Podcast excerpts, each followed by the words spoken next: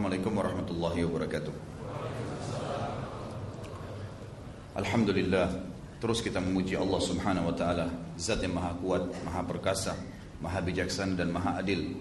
Dialah yang paling layak untuk disembah, dipatuhi, ditunduki, dicintai dan juga ditakuti. Karena dia memang yang telah menciptakan semua yang di langit, semua yang di bumi dan semua yang di kedalaman lautan. Dan dia yang telah menggantungkan segala nikmat yang diberikan kepada kita dengan kalimat Alhamdulillah. Maka sangat wajar kalau sebagai orang yang beriman sering mengulangi kalimat yang mulia ini. Juga yang kedua kita panjatkan salam hormat kita, salawat dan taslim kepada manusia terbaik, pilihan sang pencipta sehingga menutup risalah para nabi-nabi dan rasulnya dan juga pemimpin anak Adam pada hari kiamat orang yang paling lurus jalur nasabnya, bersih jiwanya, dan juga orang yang paling sempurna secara fisik dan akhlak. Nabi Muhammad sallallahu alaihi wasallam sebagaimana Allah dan malaikatnya telah memberikan salam kepada beliau. Seperti biasa teman-teman sekalian bertemu lagi di serial Satria-Kesatria Islam, generasi emas Islam, para sahabat ridwanullahi alaihim. Dan kita masuk ke serial kita pada sore ini semoga Allah berkahi sahabat yang mulia Mus'ab ibn Umair radhiyallahu anhu. Mus'ab radhiyallahu anhu adalah seorang sahabat yang memiliki ciri khas. Ciri khasnya dibandingkan dengan sahabat yang lain adalah orang yang sebelum masuk Islam sangat kaya raya dan terkenal berkumpul padanya putihnya kulit yang bersih, wajah yang tampan, pakaian yang selalu bersih, serta minyak wangi yang selalu semerbak. Sampai di Mekah dikenal kalau seandainya Mus'ab sudah melewati sebuah tempat, maka pastilah masyarakat Mekah secara keseluruhan sepakat mengatakan di sini telah lewat Mus'ab ibn Umair karena wanginya minyak wangi yang dipakai dan mahalnya minyak wangi tersebut sehingga memiliki bau khas dan tidak semua orang memilikinya.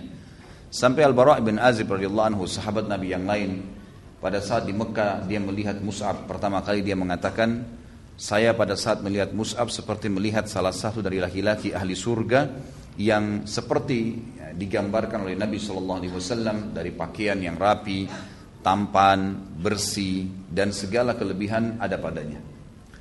Figur Mus'ab radhiyallahu anhu adalah seseorang yang pantas untuk dijadikan sebagai rujukan dan juga suri tauladan, diidolakan karena banyak sekali pelajaran yang akan kita ambil dari tokoh kita ini.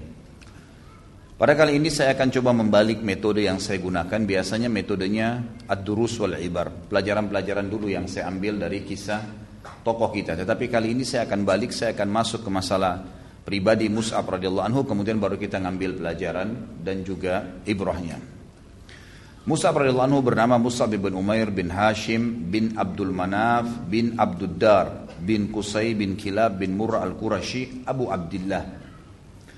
Beliau tentu ayahnya bernama Umair bin Hashim salah satu kepala suku yang terkenal di Mekah dan juga orang kaya raya memiliki wibawa dan ibunya bernama Khunas binti Malik ada tradisi orang-orang jahiliyah dulu teman-teman sekalian, kalau ada wanita lahir dari jalur nasab yang kuat di pandangan mereka, misal ayah ibunya adalah orang-orang yang terkenal, sama jajaran jalur nasabnya, keadaan ekonominya, kepintaran dan kecerdasannya, kelebihan fisiknya, maka anak yang lahir itu nanti, kalaupun perempuan, dia punya kedudukan khusus. Kapan dia menikah dengan level laki-laki yang di mata mereka pada saat itu lebih di bawah sedikit saja dari keadaan ekonominya atau fisiknya atau kecerdasan atau jalur nasabnya, maka perceraian ada di tangan si wanita. Dia menentukan. Dia menentukan segala sesuatu di rumahnya dan ini tentu pemahaman yang salah dalam agama Islam. Tapi ini masa jahiliyah dulu. Ibu Mus'ab radhiyallahu anhu adalah salah satu wanita yang seperti ini. Wanita ini memiliki kedudukan yang sangat luar biasa sampai dia termasuk wanita yang bisa menceraikan suaminya. Sehingga memang karena kekayaannya, kecantikannya, jalur nasabnya yang luar biasa dan kecerdasannya. Maka karena kayahnya dia selalu menghiasi Mus'ab yang kebetulan waktu itu adalah anak pertamanya dan Mus'ab punya adik laki-laki lain yang bernama Abdul Aziz nanti akan ada kisah yang kita akan sampaikan tapi yang jelas dia selalu menghiasi Mus'ab dengan pakaian yang terbaik dan selalu menggunakan baju yang terbuat dari kain kutun dari Yaman dan ini terkenal sangat mahal. Minyak wangi yang dipakai dari negeri Syam Dan ini juga terkenal pada saat itu minyak wangi yang paling mahal. Ya mungkin kalau kita beberapa negara sekarang yang terkenal dengan minyak wangi yang mahal, mungkin seperti itulah. Tapi jelas didatangkan ke Mekah. Kemudian sepatu yang dipakai dan segala macam yang berhubungan dengannya, termasuk rambut yang sangat lurus berwarna hitam dan sangat indah di sisi rapi ke belakang, sampai menerpa pundak Musa radhiyallahu anhu dengan ketampanannya dan saking tampannya sampai di perang Uhud nanti Ibnu Kami'ah, Ibnu Kami'ah ini yang telah memukul Nabi Muhammad SAW di perang Uhud. Sebagaimana akan saya jelaskan kembali review kisahnya, walaupun sudah pernah kita sampaikan. Dia dialah nanti yang akan membunuh Mus'ab di perang Uhud dan dia mengira Mus'ab adalah Nabi Muhammad SAW karena miripnya. Dan kita sudah tahu bahwasanya para ulama sepakat mengatakan kalau Yusuf alaihissalam diberikan sepertiga kegagahan dunia, maka Muhammad SAW diberikan seluruh kegagahan dunia. Jadi tidak ada apa-apanya Nabi Yusuf AS dibandingkan Nabi Muhammad AS. Tapi beliau selalu bertawadhu. Mus'ab ini orang yang sangat mirip dengan Nabi SAW. Ya, jadi manusia biasa yang bukan Nabi, tetapi memang dia memiliki kelebihan yang luar biasa. Dia lebih muda dari Nabi SAW 14 tahun. Karena Nabi SAW lahir tahun 571 Masehi dan Mus'ab lahir tahun 585 Masehi. Tentu istrinya bernama Hammanah binti Jahash yang nanti setelah Musa meninggal dunia dinikahi oleh Talha bin Ubaidillah setelah kasus terbunuhnya di perang Uhud akan kita jelaskan nanti. Dan Allah karunia dua orang anak bernama Muhammad dan Abdullah. Dan Abdullah adalah anak pertama maka diberikan julukan dengan Abu Abdullah. Abu Abdullah. Musa radhiyallahu anhu punya kisah yang menarik yang perlu kita simak yaitu pertama awal dia masuk Islam. Awal masuk Islam tokoh kita ini teman-teman sekalian, dia mendengar saja kalau ada seseorang yang mengaku nabi di Mekah dan dia termasuk salah satu sahabat yang tidak ada seorang pun mengajaknya untuk Islam, sendirian dia datang.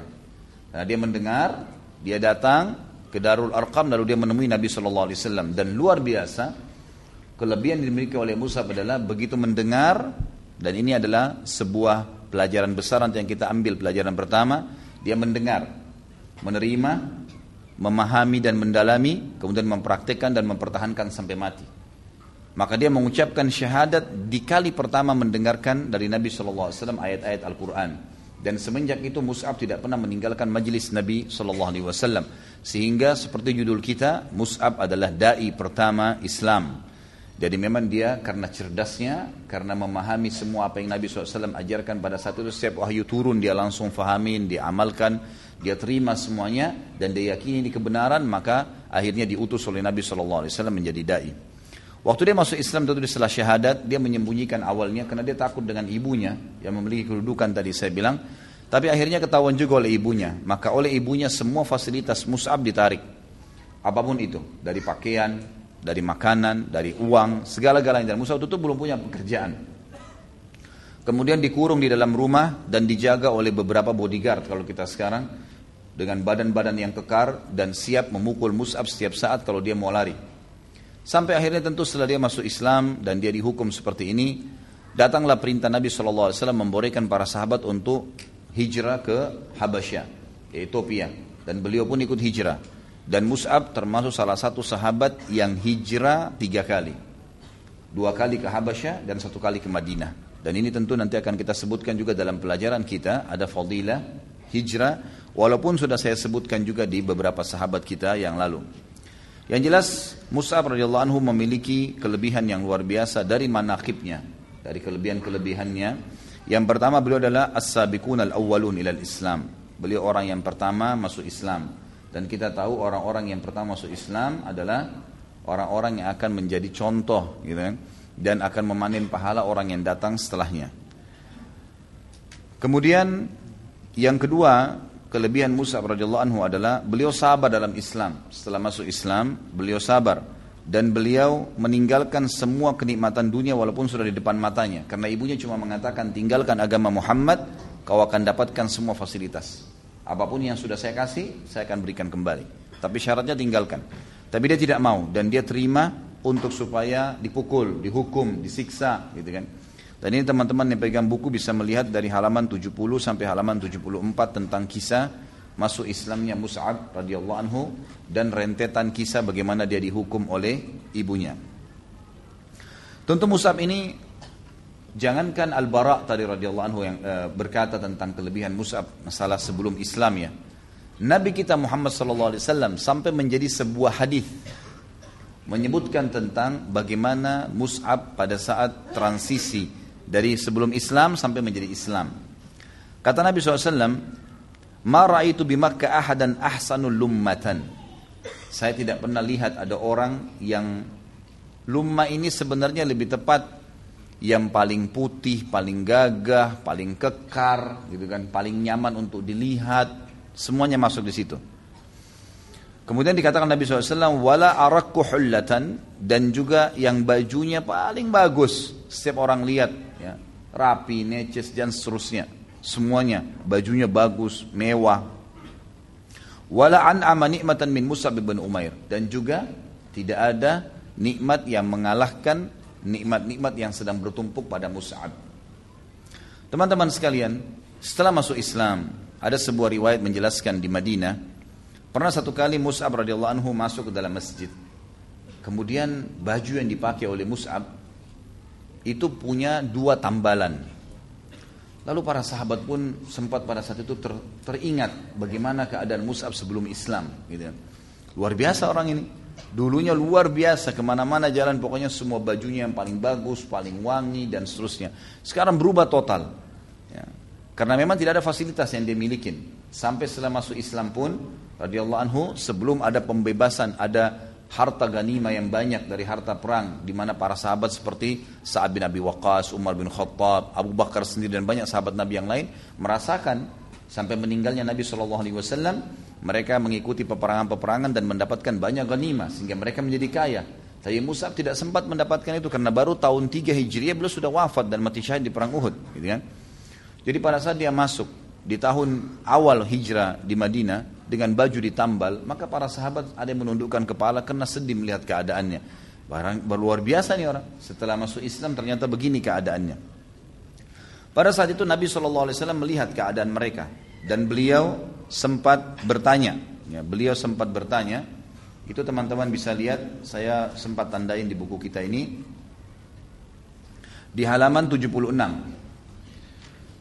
Ali radhiyallahu berkata, aku datang ke masjid lalu Musa bin Umair datang kepada kami sambil memakai sebuah jubah yang ditambal dengan kulit.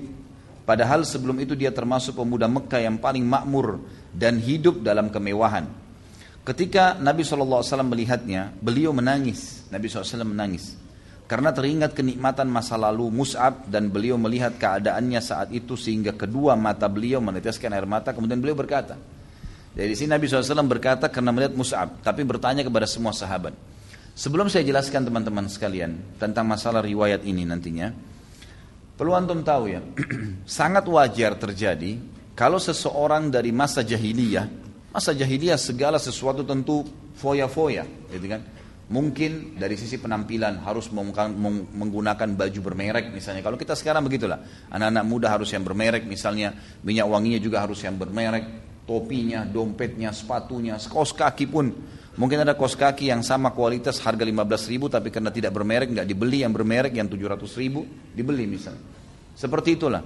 Jadi orang subhanallah setelah taubat pastikan teman-teman sekalian kalau antum hadir di majelis ilmu kemudian masuk iman di dalam hati jangan heran kalau ada transisi terjadi transisi kayak misal kita sudah nganggap remeh nanti ah kayaknya nggak perlu deh saya beli baju semahal ini Kayaknya nggak perlu deh saya pakai sepatu begini.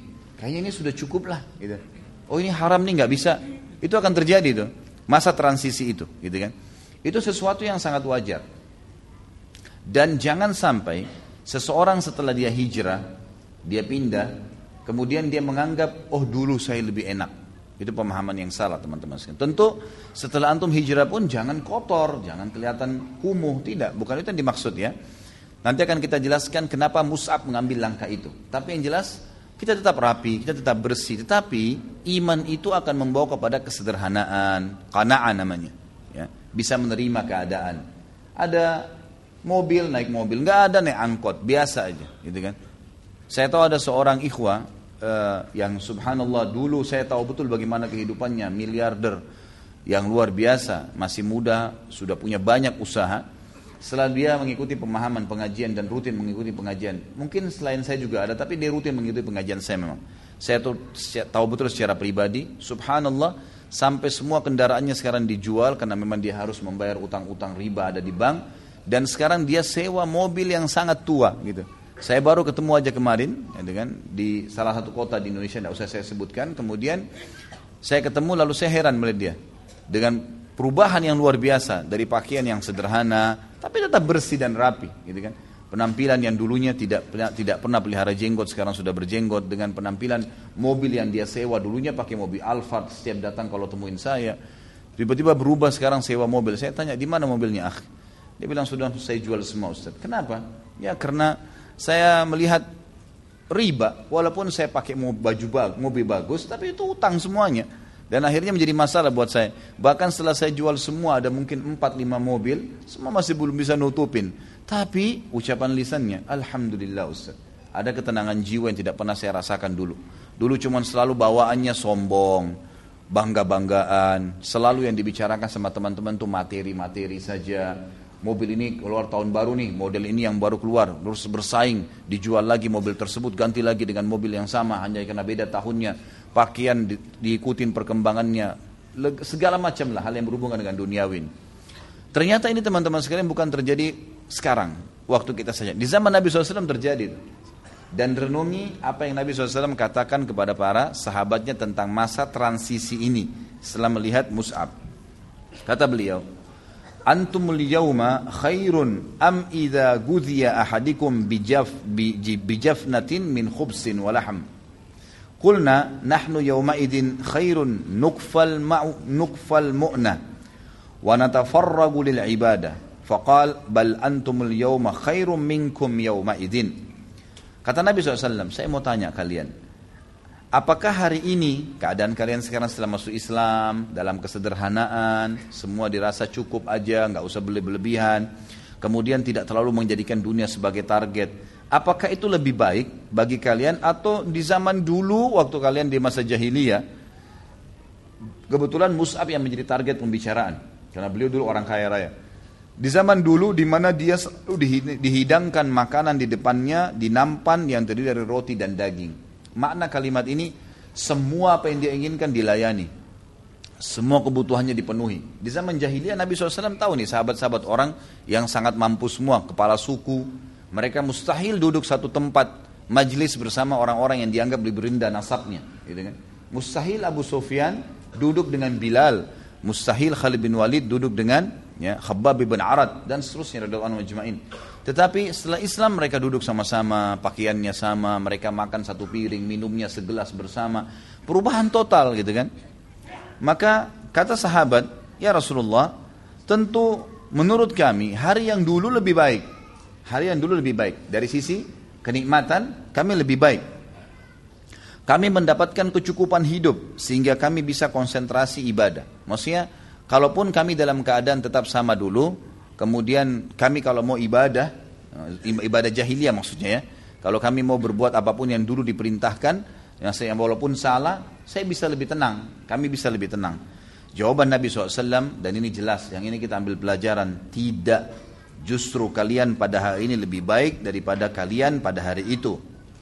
Kalau kita lihat di footnote-nya, ada footnote nomor 4 hadis ini riwayat Tirmidzi dan juga disebutkan oleh beliau di nomor hadis 2476 dalam kitab Sifatul Qiyamah. Beliau mengatakan hadis ini hasan gharib dan tercantum dalam Sunan Trimidi redaksinya seperti yang di bawah ini saya langsung bacakan saja bahasa Indonesia-nya. Bagaimana dengan kalian jika salah seorang dan kalian pergi di pagi hari dengan satu pakaian dan pergi di sore hari dengan pakaian yang lain? Diletakkan nampan makanan di hadapannya lalu nampan yang lain diangkat dan kalian menutupi rumah kalian dengan kain sebagaimana ditutupi Ka'bah. Maksudnya adalah waktu dulu kalian jahiliyah kalau setiap keluar pagi pakai baju lain, siang bajunya lain, sore bajunya lain, gonta ganti baju dan malu kalau pakai baju yang sama misalnya.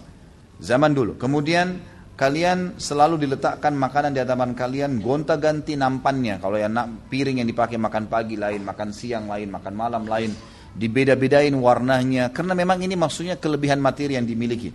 Dan kalian menutupi rumah kalian dengan kain seperti kain Ka'bah. Maksudnya memperindah rumah kalian sampai seperti Ka'bah orang kagum kena ada kiswahnya. Mereka menjawab, wahai Rasulullah, kami hari itu lebih baik daripada keadaan kami hari ini.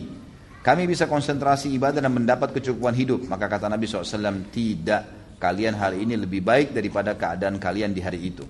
Baik. Kenapa secara khusus saya pilih hadis ini teman-teman? Karena saya yakin kalau antum beli bukunya, mungkin tidak faham kalau tidak dibaca ini hadisnya. Karena ini seakan-akan sebuah penyampaian yang butuh penjelasan memang. Yang dimaksud dari sabda Nabi SAW di sini, beliau ingin memotivasi para sahabat dan juga memotivasi kita semua umatnya membaca riwayat ini.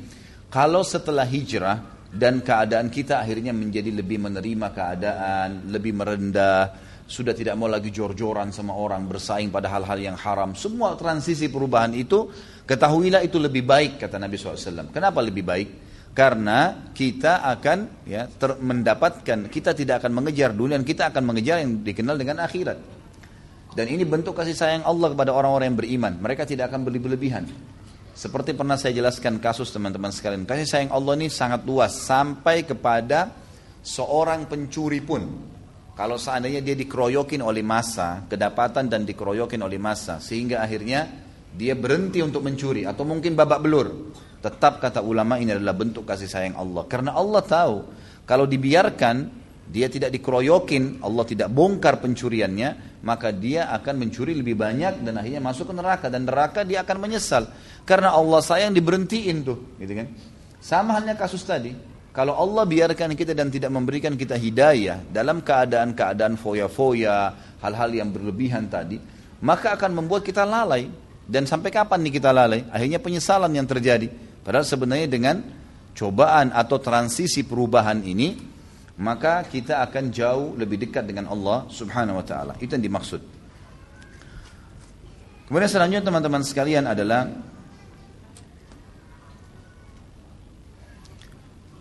Tentu kelebihan saya bilang tadi manakibnya Musab ya. Yang pertama beliau adalah orang yang pertama masuk Islam, yang kedua beliau sahabat dalam Islam dan beliau meninggalkan semua kenikmatan dunia. Yang ketiga beliau hijrah untuk agama Islam, untuk agama ini supaya dia bisa beribadah kepada Allah tiga kali. Dan ini juga nanti akan kita jelaskan dalam pelajaran-pelajaran kita bahwasanya sangat penting seseorang hijrah dari satu tempat ke tempat yang lain kalau dia tidak bisa beribadah di tempat itu. Mau itu satu tempat kos ke tempat kos yang lain, tempat sewa ke tempat sewa yang lain, dari sebuah desa atau kota ke kota yang lain dan seterusnya atau negara ke negara yang lain.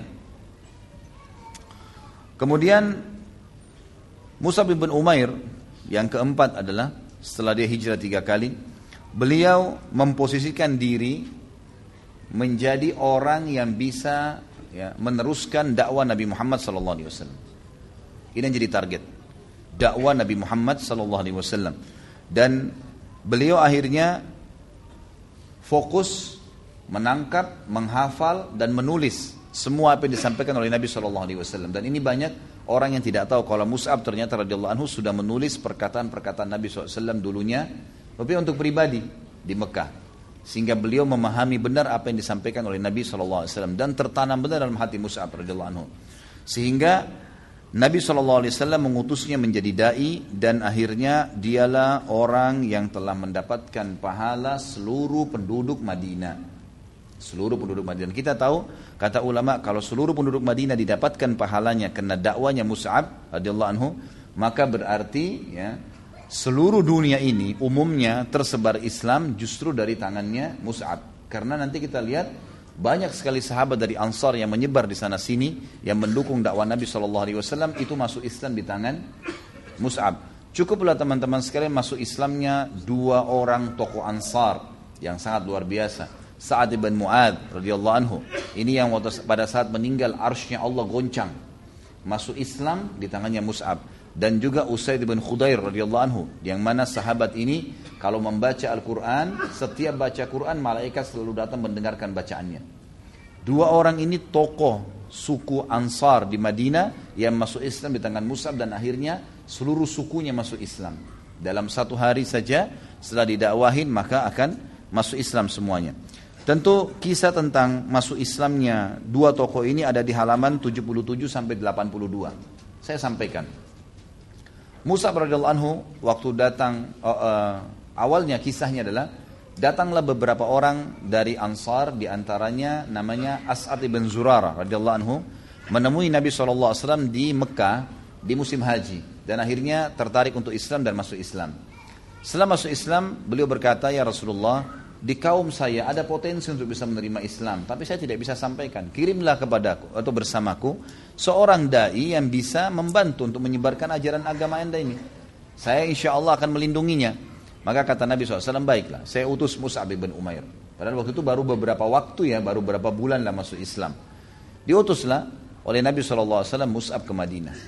Begitu tiba di Madinah, Mus'ab radhiallahu anhu mengatur strategi dan bertanya kepada uh, Asad bin Zurara, di mana atau siapa saja kepala-kepala sukunya nih. Diberikanlah nama si fulan, si fulan di antaranya Sa'ad bin Mu'ad, Usaid bin Khudair, Sa'ad bin Ubadah, ini semua disebutkan nama-namanya maka Musa menjadikan mereka sebagai target dengan cara. Dalam riwayat di halaman 77 sampai 82 disebutkan Sa'ad bin Mu'ad mendengar kalau Asad bin Zurara membawa tamu dan menjadi dai. Lalu kemudian tersebar berita kalau dia melarang untuk menyembah berhala. Lalu Sa'ad pun mengutus Usaid bin Khudair dan berkata, coba kamu lihat ke sana, cari tahu informasi orang ini. Dan usir mereka dari Madinah, termasuk As'ad usir, karena As'ad ini bukan kepala suku. Usir saya dari Madinah kalau dia buat kekacauan. Datanglah ya, Usaid bin Khudair radhiyallahu anhu ini sebelum masuk Islam kepada Mus'ab dan As'ad dan berkata, apa yang kalian lakukan nih? Mengacaukan Madinah, mau memisahkan antara keluarga, memecahkan suku-suku kami. Keluarlah kalau kalian masih mau hidup. Gitu ya. Radhiyallahu anhu sebagai dai memiliki sifat yang hakim. Nanti akan kita sebutkan di pelajaran-pelajaran bagaimana menjadi dai yang benar. Di antaranya pelajaran diambil dari Musa anhu. Beliau mengatakan, "Tidakkah Anda duduk dulu mendengarkan kalau seandainya apa yang saya sampaikan ini bagus, terimalah. Kalau tidak bagus, pastikan saya langsung tinggalkan Madinah." Ya. Maka kata Usaid bin Khudair, pilihan yang menarik, tidak masalah, bijak. Duduklah Usaid bin Khudair dan Musa bin Umar cuma membacakan ayat-ayat Al-Quran. Karena pada saat itu mereka sudah faham artinya. Dibacakanlah Allah berfirman, mengutus Rasulnya namanya Muhammad SAW di Mekah, dan ini ayat-ayatnya dibacakan. Tidak lama kemudian Usaid bin Khudair tertarik dan mengatakan, sungguh indah perkataan-perkataan ini. Bagaimana caranya supaya menganut agama kalian? Kata Mus'ab dan Asad bin Zurara, engkau kalau mau mandi lebih baik, mensucikan diri, Kemudian kamu mengucapkan dua kalimat syahadat dan kami akan ajarkan engkau bagaimana sholat dua rakaat setelah itu. Maksudnya belajar. Karena waktu itu tentunya teman-teman sekalian sholat semuanya masih dua rakaat ya. Subuh, duhur, asar, maghrib, isya semua masih dua rakaat. Awal dakwanya Mus'ab.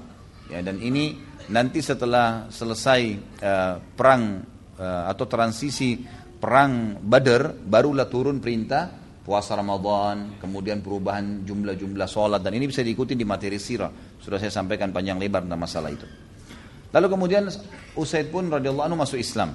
Dan Usaid ini sudah pernah saya sebutkan kisahnya, saya reviewkan kembali. Beliau semenjak itu mulai belajar Al-Quran dengan Musab, lalu kemudian memiliki suara yang sangat indah. Sampai kalau dia membaca itu, kudanya selalu mengikuti. Ya di sebelahnya itu kudanya kelihatan tenang pada saat dia baca Al-Quran. Orang-orang di sekitarnya sampai anak-anak kecil pun duduk mendengarkan bacaan kalau Usaid membaca karena indahnya suaranya. Satu malam beliau lagi kepanasan gerah di rumahnya. Kemudian beliau ingin membaca Al-Quran di luar rumahnya. Begitu dia duduk di, di, di, di halaman rumahnya lalu dia membaca Al-Quran, tiba-tiba kudanya sempat merontak. Kemudian dia lihat ke, dia berhentikan bacanya lalu dia lihat ke arah kudanya, kudanya nggak apa-apa. Berhenti diam gitu, nggak marah, nggak ngamuk lagi, nggak bergerak lagi.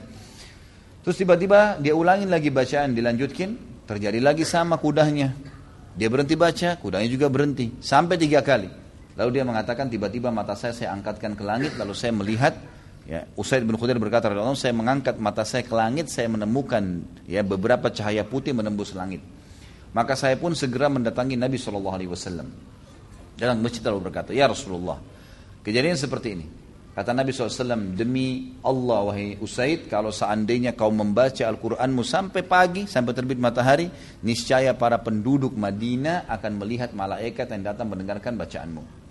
Kenapa kok bisa seperti ini? Kenapa kok bisa sampai pagi malaikat akan terlihat? Kata ulama hadis maksudnya adalah karena indahnya suaramu sampai malaikat walaupun manusia-manusia lain juga lewat dia tetap tidak akan berhenti mendengarkan bacaanmu. Selama kau tidak berhenti, maka dia akan kelihatan di sebelahmu. Orang semua akan bisa melihatnya. Jadi luar biasa nih bacaan Al-Quran dan ini masuk Islam di tangan Mus'ab radhiyallahu. Yang jelas nanti ada kisah sendiri tentang beliau tentunya. Kemudian Usaid berkata radhiyallahu anhu, "Wahai Mus'ab, wahai As'ad, di sini di Madinah ada satu kepala suku. Kalau kalian bisa membuatnya menganut agama ini, maka pastikan satu Madinah semua masuk agama Islam." Kata Mus'ab siapa itu? Kata Usaid uh, Sa'ad bin Mu'ad dan saya akan membuatnya datang ke sini. Lalu Usaid pun pulang menemui Sa'ad bin Mu'ad. Sa'ad bin Mu'ad mengatakan demi uh, Waktu itu mereka tahu Allah ya, tapi musyrik. Mereka musyrik. Mereka mengatakan, demi Allah wahai Usaid, kamu pulang bukan dengan wajah pada saat kau pergi. Sekarang kau berseri-seri, ada apa nih? Lalu kata uh, Usaid, sesungguhnya suku-suku Arab yang ada di Madinah akan mengganggu sepupumu. Asad ibn Zurara, kebetulan sepupunya Sa'ad ibn Mu'ad. Dan kemungkinan karena mereka membenci dakwanya sebagaimana kau membenci dakwah mereka, maka mereka akan memeranginya. Dan masa kamu tega sepupumu akan dibunuh oleh suku-suku Arab, gitu kan? Cobalah kamu lihat di sana. Lalu Sa'ad bin Mu'ad mengatakan, baiklah kalau gitu, saya akan datang dan membelahnya. Ternyata ini cuma strategi Usaid radhiyallahu anhu untuk membuat Sa'ad bin Mu'ad datang, gitu kan? Begitu datang, Sa'ad sudah tahu, tidak ada apa-apa, nggak ada kabilah yang mengurumuni mereka. Musab sama As'ad lagi duduk berdua gitu kan. Lalu kemudian dia sudah tahu. Lalu dia bilang, kalian berdua keluar dari Madinah atau akan saya bunuh? Kata Sa'ad bin Mu'ad. Kemudian kata Mus'ab kalimat yang sama. Wahai uh, uh, Sa'ad, cobalah dengarkan apa yang akan saya sampaikan. Kalau seandainya benar, baik, ambillah. Kalau tidak, pastikan saya langsung keluar setelah anda menolak. Kata dia, baiklah, pilihan yang bijak. Kemudian dia duduk, lalu dia dengarkan. Pada dalam riwayat itu dikatakan dia menancapkan tombaknya ke tanah. Ada riwayat lain mengatakan pedangnya ke tanah. Lalu kemudian dia mendengarkan beberapa ayat Al-Quran. Tiba-tiba Allah masukkan hidayah di hati As-Sa'ad bin Mu'adz radhiyallahu masuk Islam. Dia bilang bagaimana orang masuk ke agama kalian ini? Sungguh indah apa yang kamu baca ini. Dia bilang iya silakan. Cuman anda kalau mau mandi silakan, kemudian ucapkan syahadat dan nanti kami akan ajarkan anda sholat ya yang diperintahkan dua-dua rakaat. Maka Sa'ad bin Mu'ad pun akhirnya beriman kepada Allah dan Rasulnya di tangan Mus'ab radhiyallahu anhu. Dan perlu antum tahu ya, ini Sa'ad bin Mu'ad, nanti akan kita bahas kisahnya. Perannya dalam perang Bani Quraidah luar biasa. Luar biasa. Beliau adalah penentu keputusan uh, agar 700 ya, pa, uh, pasukan personel pasukannya Yahudi Quraidah dibunuh semuanya. Itu ada bahasan sendiri tentunya. Dan pada saat dia mengambil keputusan itu kata Nabi SAW, Allahu Akbar, sungguh saat kamu telah mengambil keputusan yang telah Allah tentukan di langit ketujuh. Sebelum diturunkan, maka kau sudah mengambil keputusan itu. Nanti akan saya kita bahas di, di bahasan beliau. Tapi luar biasanya orang ini, pada saat dia meninggal, arsnya Allah bergoncang. Sebagaimana Jibril datang kepada Nabi SAW dalam hadis Bukhari mengatakan, Wahai Muhammad, sungguh ada berita saat terbunuh dan e, terbunuh karena dia mati kena panah yang terpanah di perang Khandaq, ya, di perang Ahzab. Kemudian ya arsnya Allah goncang gara-gara matinya. Maka satu Madinah pun sempat menangis karena meninggalnya Sa'ad bin Mu'ad radhiyallahu anhu. Yang jelas orang ini masuk Islam di tangan Mus'ab bin Umair. Apa yang terjadi teman-teman sekalian? Saking mulianya orang-orang Ansar ini dan sangat wajar kenapa Nabi SAW bersabda tentang orang-orang Ansar dan beliau berkata, kalau seandainya bukan karena hijrah, maka pastinya saya berharap bagian daripada orang Madinah, Ansar. Dan kata Nabi SAW, mencintai Ansar adalah bagian daripada keimanan dan membenci mereka bagian daripada kemunafikan. Kan?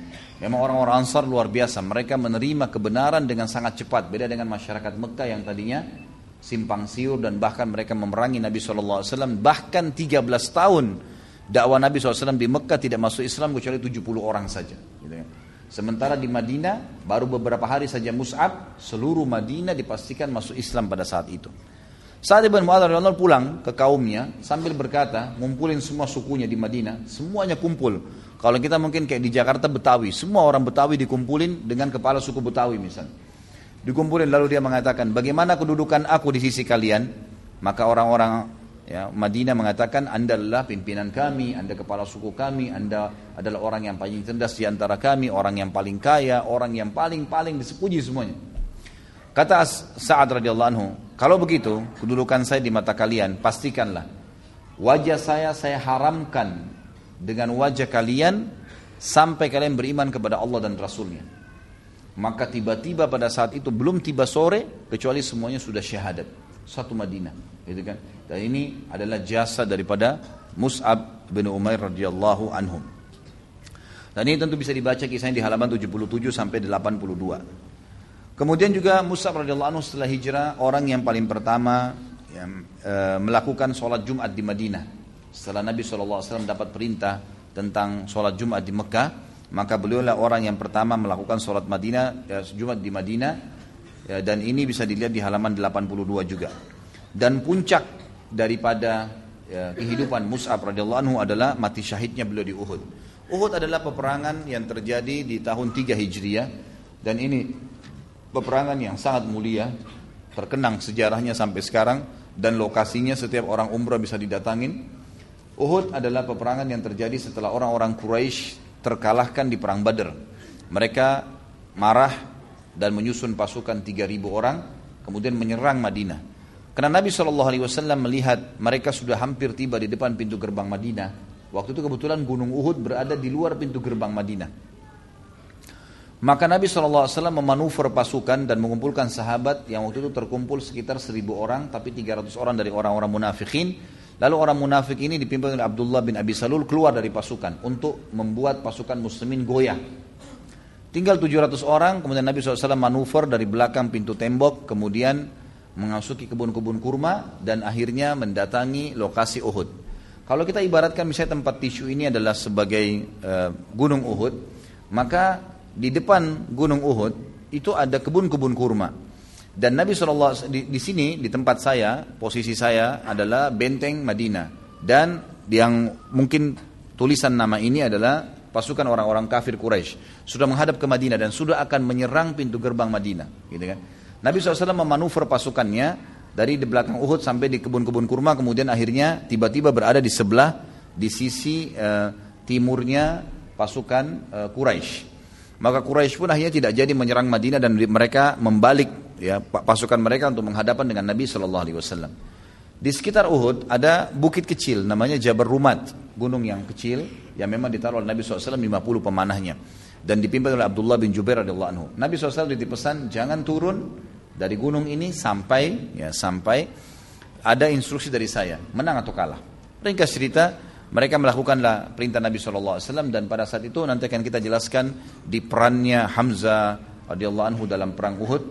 Beliau bersama dengan Ali bin Abi Thalib dan Zubair bin Awam radhiyallahu anhu majma'in sepakat untuk menjatuhkan benderanya orang-orang Quraisy karena pasukan muslimin 700 orang, 50 di atas bukit pemana, 650 di kancah peperangan.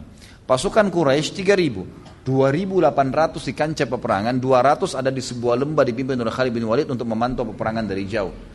Jadi 2800 bertemu dengan 650 nggak berimbang. Strategi yang terbaik adalah Hamzah radhiyallahu anhu meminta izin kepada Nabi SAW untuk menyerang pemegang bendera Quraisy. Maka Nabi SAW izinkan. Pergilah tiga orang ini, kemudian mereka menyerang. Sampai akhirnya berhasil menemukan pemegang bendera dan dibunuh. Dan terus Hamzah radhiyallahu anhu membunuh sampai 11 orang. Dari pemegang bendera dan bendera Quraisy jatuh. Yang membuat 2000 lebih pasukan tadi bubar semua. Ya, mereka menganggap walaupun jumlahnya banyak kalah karena pemegang bendera sudah jatuh semua.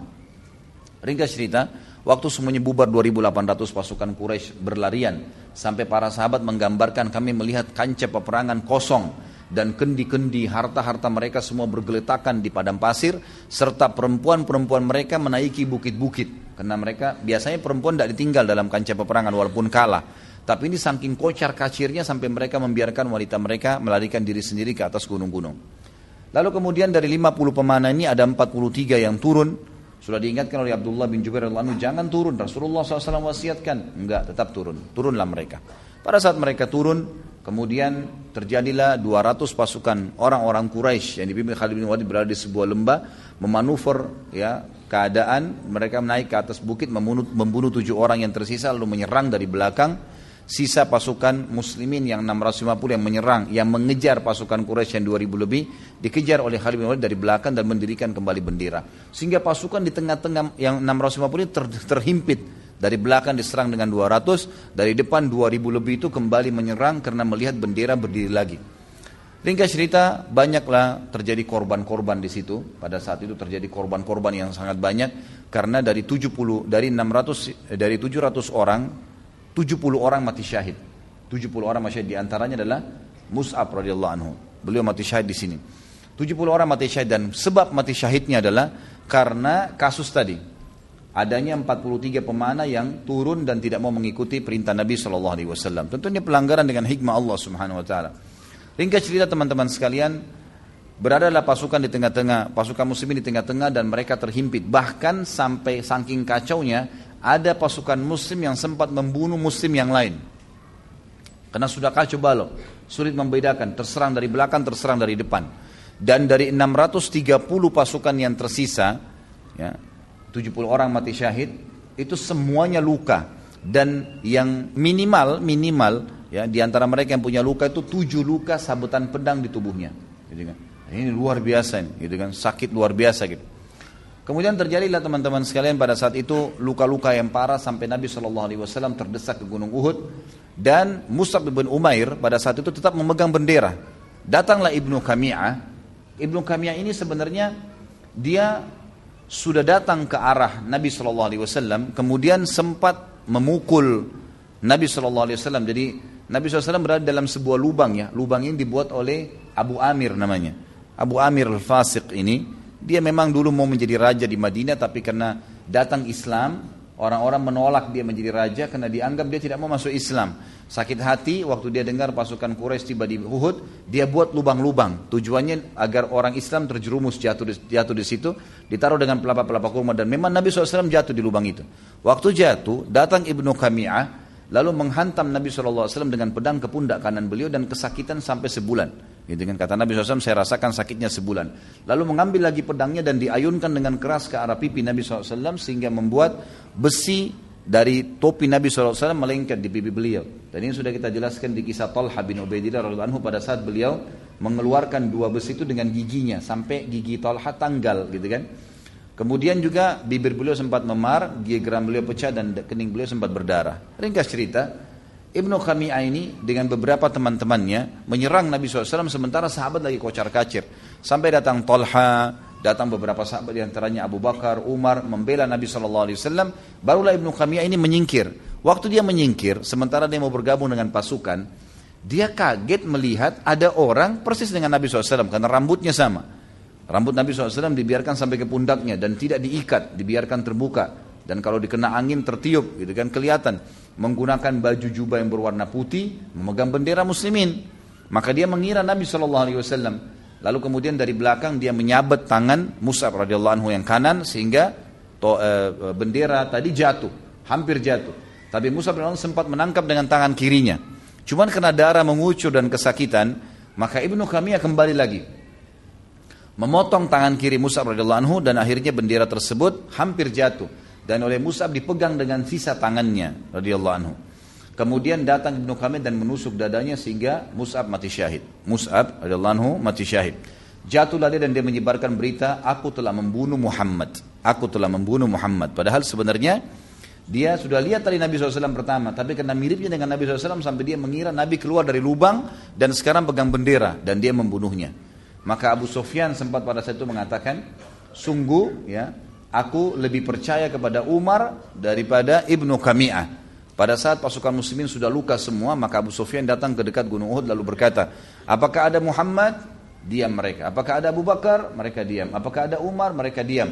Lalu Nabi SAW mengatakan, jawab, jawablah. Maka berkata Umar, mereka semua masih hidup. Maka pada saat didengar suara Umar kata Abu Sufyan, demi Allah, Kau Umar lebih saya percaya daripada Ibnu Kamiyah. Pasti Muhammad masih hidup. Tapi ringkas cerita teman-teman sekalian, terbunuhlah tokoh kita Musab bin Umar dalam perang Uhud ini dan akhirnya mati syahid. Ini kurang lebih kisah tentang Musab radhiyallahu anhu dan kita masuk sekarang ke masalah ad-durus wal ibar, pelajaran-pelajaran yang kita bisa ambil daripada kisah tokoh kita ini. Yang pertama teman-teman sekalian adalah tidak men, tidak ya, menunda hidayah yang sudah ada di depan mata dan ini sudah menjadi tradisi umumnya sahabat. Mereka lihat kebenaran langsung diikutin. Kayak antum misalnya dengar di pengajian nih, oh ada informasi yang positif tentang apa yang bisa membuat kok saya rasanya lebih mau berubah mau beribadah, mau meninggalkan dosa. Maka itu segera dirangkul, itu tanda hidayah. Dan mereka tidak pernah menunda masalah itu, termasuk tokoh kita Musa bin Umair yang baru pertama kali mendengarkan dakwah, kemudian dia langsung menerima, mendalaminya, kemudian menyebarkannya. Sampai akhirnya seluruh penduduk Madinah dan menyebar ke seluruh dunia Islam yang telah diterima di tangan Musa bin Umair. Yang kedua teman-teman sekalian, adanya dan ini yang saya ingin titik beratkan adanya fadilah dan perintah untuk berdakwah dan menjadi dai. Dan ini kita lihat dari perilaku Nabi SAW pada saat menunjuk Mus'ab radhiyallahu anhu. Dan kita dengarkan sama-sama ayat-ayat Al-Quran yang memerintahkan masalah itu. Yang pertama surah Al-Ahzab surah nomor 33 ayat 45 sampai 48 A'udzu billahi minasyaitonir rajim Al-Ahzab 33 ayat 45 sampai 48. Tentu ini nggak ada di buku antum ya. Ini tambahan. Pelajaran-pelajaran ini adalah tambahan. Semua pelajaran yang kita pelajari dari awal sahabat Abu Bakar sampai sekarang. Musa bin Umar anhu ini durus wal ibar tidak ada di dalam buku kita. Tapi saya coba susunkan. Makanya kalau yang mau nulis silahkan ya. Firman Allah dalil pertama tentang masalah pentingnya dakwah dan juga menjadi dai surah Al-Ahzab 33 ayat 45 sampai 48. A'udzu billahi minasyaitonir rajim. Ya ayuhan nabiyyu inna arsalnaka syahidan wa mubasysyiran wa nadhira wa da'iyan ila Allah biidni wa sirajan munira. Lahum minallahi fadlan kabira. Wa la tuti'il kafirin wal munafiqin wa da'adhahum wa tawakkal 'ala Allah. Wa kafa billahi wakila. Artinya hai Nabi, Sesungguhnya kami benar-benar mengutusmu sebagai saksi dan pembawa berita gembira bagi orang-orang yang beriman, juga pembawa peringatan dan ancaman bagi orang-orang yang melanggar. Serta kamu menjadi dai, orang yang harus menyampaikan agama Allah ini.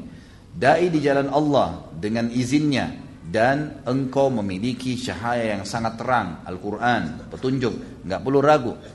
Tugasmu adalah pada saat berdakwah, dan ini perintah bagi semua dai. Apa yang mereka harus lakukan pada saat mereka berdakwah? Mereka menyampaikan, engkau menyampaikan berita gembira kepada orang-orang beriman tentang kelebihan-kelebihan yang akan mereka dapatkan. Jadi, jadi dalam berdakwah teman-teman sekalian kita dianjurkan memulai dengan uh, bushra, penyampaian berita gembira. Ada dalam ayat dikatakan mubasyira. Kalau bahasa sederhananya fadilah-fadilah amal yang kita akan kerjakan. Ini sholat akhi, sholat ukhti, dapatnya ini loh. Puasa, dapatnya ini loh. Begitu. Disampaikan berita-berita gembira kepada mereka. Jangan dimulai dengan ancaman. Ancaman itu hanya akan dilakukan setelah berita gembira ditolak. Jadi selalu kita sampaikan tentang fadilah perbuatan amal yang sedang diinginkan. Allah mengatakan itu. Sampaikan berita gembira kepada orang-orang beriman tentang apa yang dijanjikan buat mereka. Dan dalam berdakwah, Jangan pernah kau mengikuti orang-orang kafir dan orang-orang munafik dan tinggalkan saja semua omong kosong mereka serta bertawakallah kepada Allah. Sesungguhnya Allah ya sudah menjadi cukup sebagai wakil atau penolong untukmu. Jadi di sini kalau dalam berdakwah pasti akan banyak orang ngomong tuh. Itu garis keras, itu fundamentalis, itu ini, itu teroris, itu segala nggak usah peduli. Dan tetap aja berdakwah, sampaikan di jalan di, tentang kebenaran yang Allah Subhanahu wa taala telah perintahkan kepada kita. Dalil yang kedua adalah surah An-Nahl, surah nomor 16 ayat 125. A'udzu billahi minasyaitonir rajim. Ud'u ila sabili rabbika bil hikmati wal mau'izatil hasanah wajadilhum billati hiya ahsan. Inna rabbaka huwa a'lamu biman dhalla an sabili wa huwa a'lamu bil muhtadin. Berdakwalah engkau hai Muhammad di jalan Tuhanmu dengan hikmah. Hikmah itu dengan bijaksana Sebagian ulama mengatakan makna hikmah adalah wad'u syai'in fi ma, eh, fi mawdhihi. Meletakkan segala sesuatu pada tempatnya. Jadi kita tahu kapan kita menegur, kapan kita menyapa, kapan kita mengingatkan, kan gitu. Mungkin tidak cocok kalau orang mengingatkan sesuatu orang baru bangun tidur misalnya, atau orang dalam keadaan emosi yang sangat tinggi, gitu kan. Atau mungkin dia lagi suka-sukanya dengan kemaksiatan yang sedang dia kerjakan, gitu kan jadi memang kan ada peletakan sesuatu pada tempatnya. Kita tahu kapan kita harus berdakwah. Gitu. Saya pernah duduk di pesawat dengan satu orang dan mungkin pada saat dia melihat performan mungkin pada saya dan saya bisa membaca itu dari bahasa tubuhnya, kayaknya dia agak ganjil duduk di sebelah saya awalnya. Kemudian saya biarkan saja. Saya tetap dengan aktivitas saya lama-lamanya dia bertanya sendiri. Dia mulai bertanya dan ternyata dia seorang muslim. Mulai dia bertanya tentang hukum-hukum syariat dan saya jawab. Ternyata setelah dia mengetahui bahwasanya jawaban yang dia butuhkan semua terjawab, maka dia merasa nyaman dan tentram. Akhirnya sampai satu jam, dua jam, kurang lebih perjalanan semuanya itu diisi dengan pertanyaan agama. Jadi kita tetap saja ya berjalan dengan hikmah. Kita tahu kapan kita harus ya, menyampaikan dakwah itu. Lalu dikatakan wal mau'idatil hasanah dan peringatan-peringatan yang baik wajadilhum billati hiya ahsan dan berdebatlah kalau harus berdebat dengan cara yang baik Inna rabbaka huwa a'lamu biman dhalla an sabili. Sesungguhnya Allah tahu siapa yang sesat dari jalannya wa huwa alam bil muhtadin dan dia tahu siapa yang orang-orang mau mengikuti petunjuk. Jadi di sini ada tiga retorika ya. Kita menyampaikan dengan hikmah, kemudian dengan mau itu hasanah. Hikmah itu meletak memilih waktu dan tempat yang tepat. Kemudian ya mau itu hasanah peringatan-peringatan yang positif, janji-janji Allah yang baik. Peringatkan dengan surga tentang surga sebelum neraka ya janji-janji yang didapatkan sebelum ancaman-ancaman. Ini semuanya gitu kan? Kemudian juga dalam firman Allah Subhanahu wa taala yang lain Allah berfirman dalam surah Al-Hajj urutan 22 ayat 67 kita nggak boleh ragu dengan kebenaran Islam dan kita harus tahu ini syariat yang benar. Sampaikan di jalan Allah.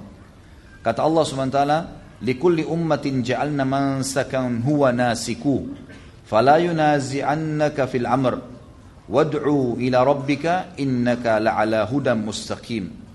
Sesungguhnya hai Muhammad setiap umat kami sudah tentukan syariatnya. Semua sudah punya syariatnya mereka jalankan. Dan kamu sendiri juga punya syariat. Maka jangan sampai pernah ada yang ya membantahmu dalam syariat yang sedang kamu bawa ini. Dan dakwahkanlah, sampaikanlah di jalan Tuhanmu, sesungguhnya kamu berada di jalan yang lurus. Dan ini berarti memang kita disuruh menyebarkan agama Islam itu dan tidak boleh ragu dari apa yang telah disampaikan.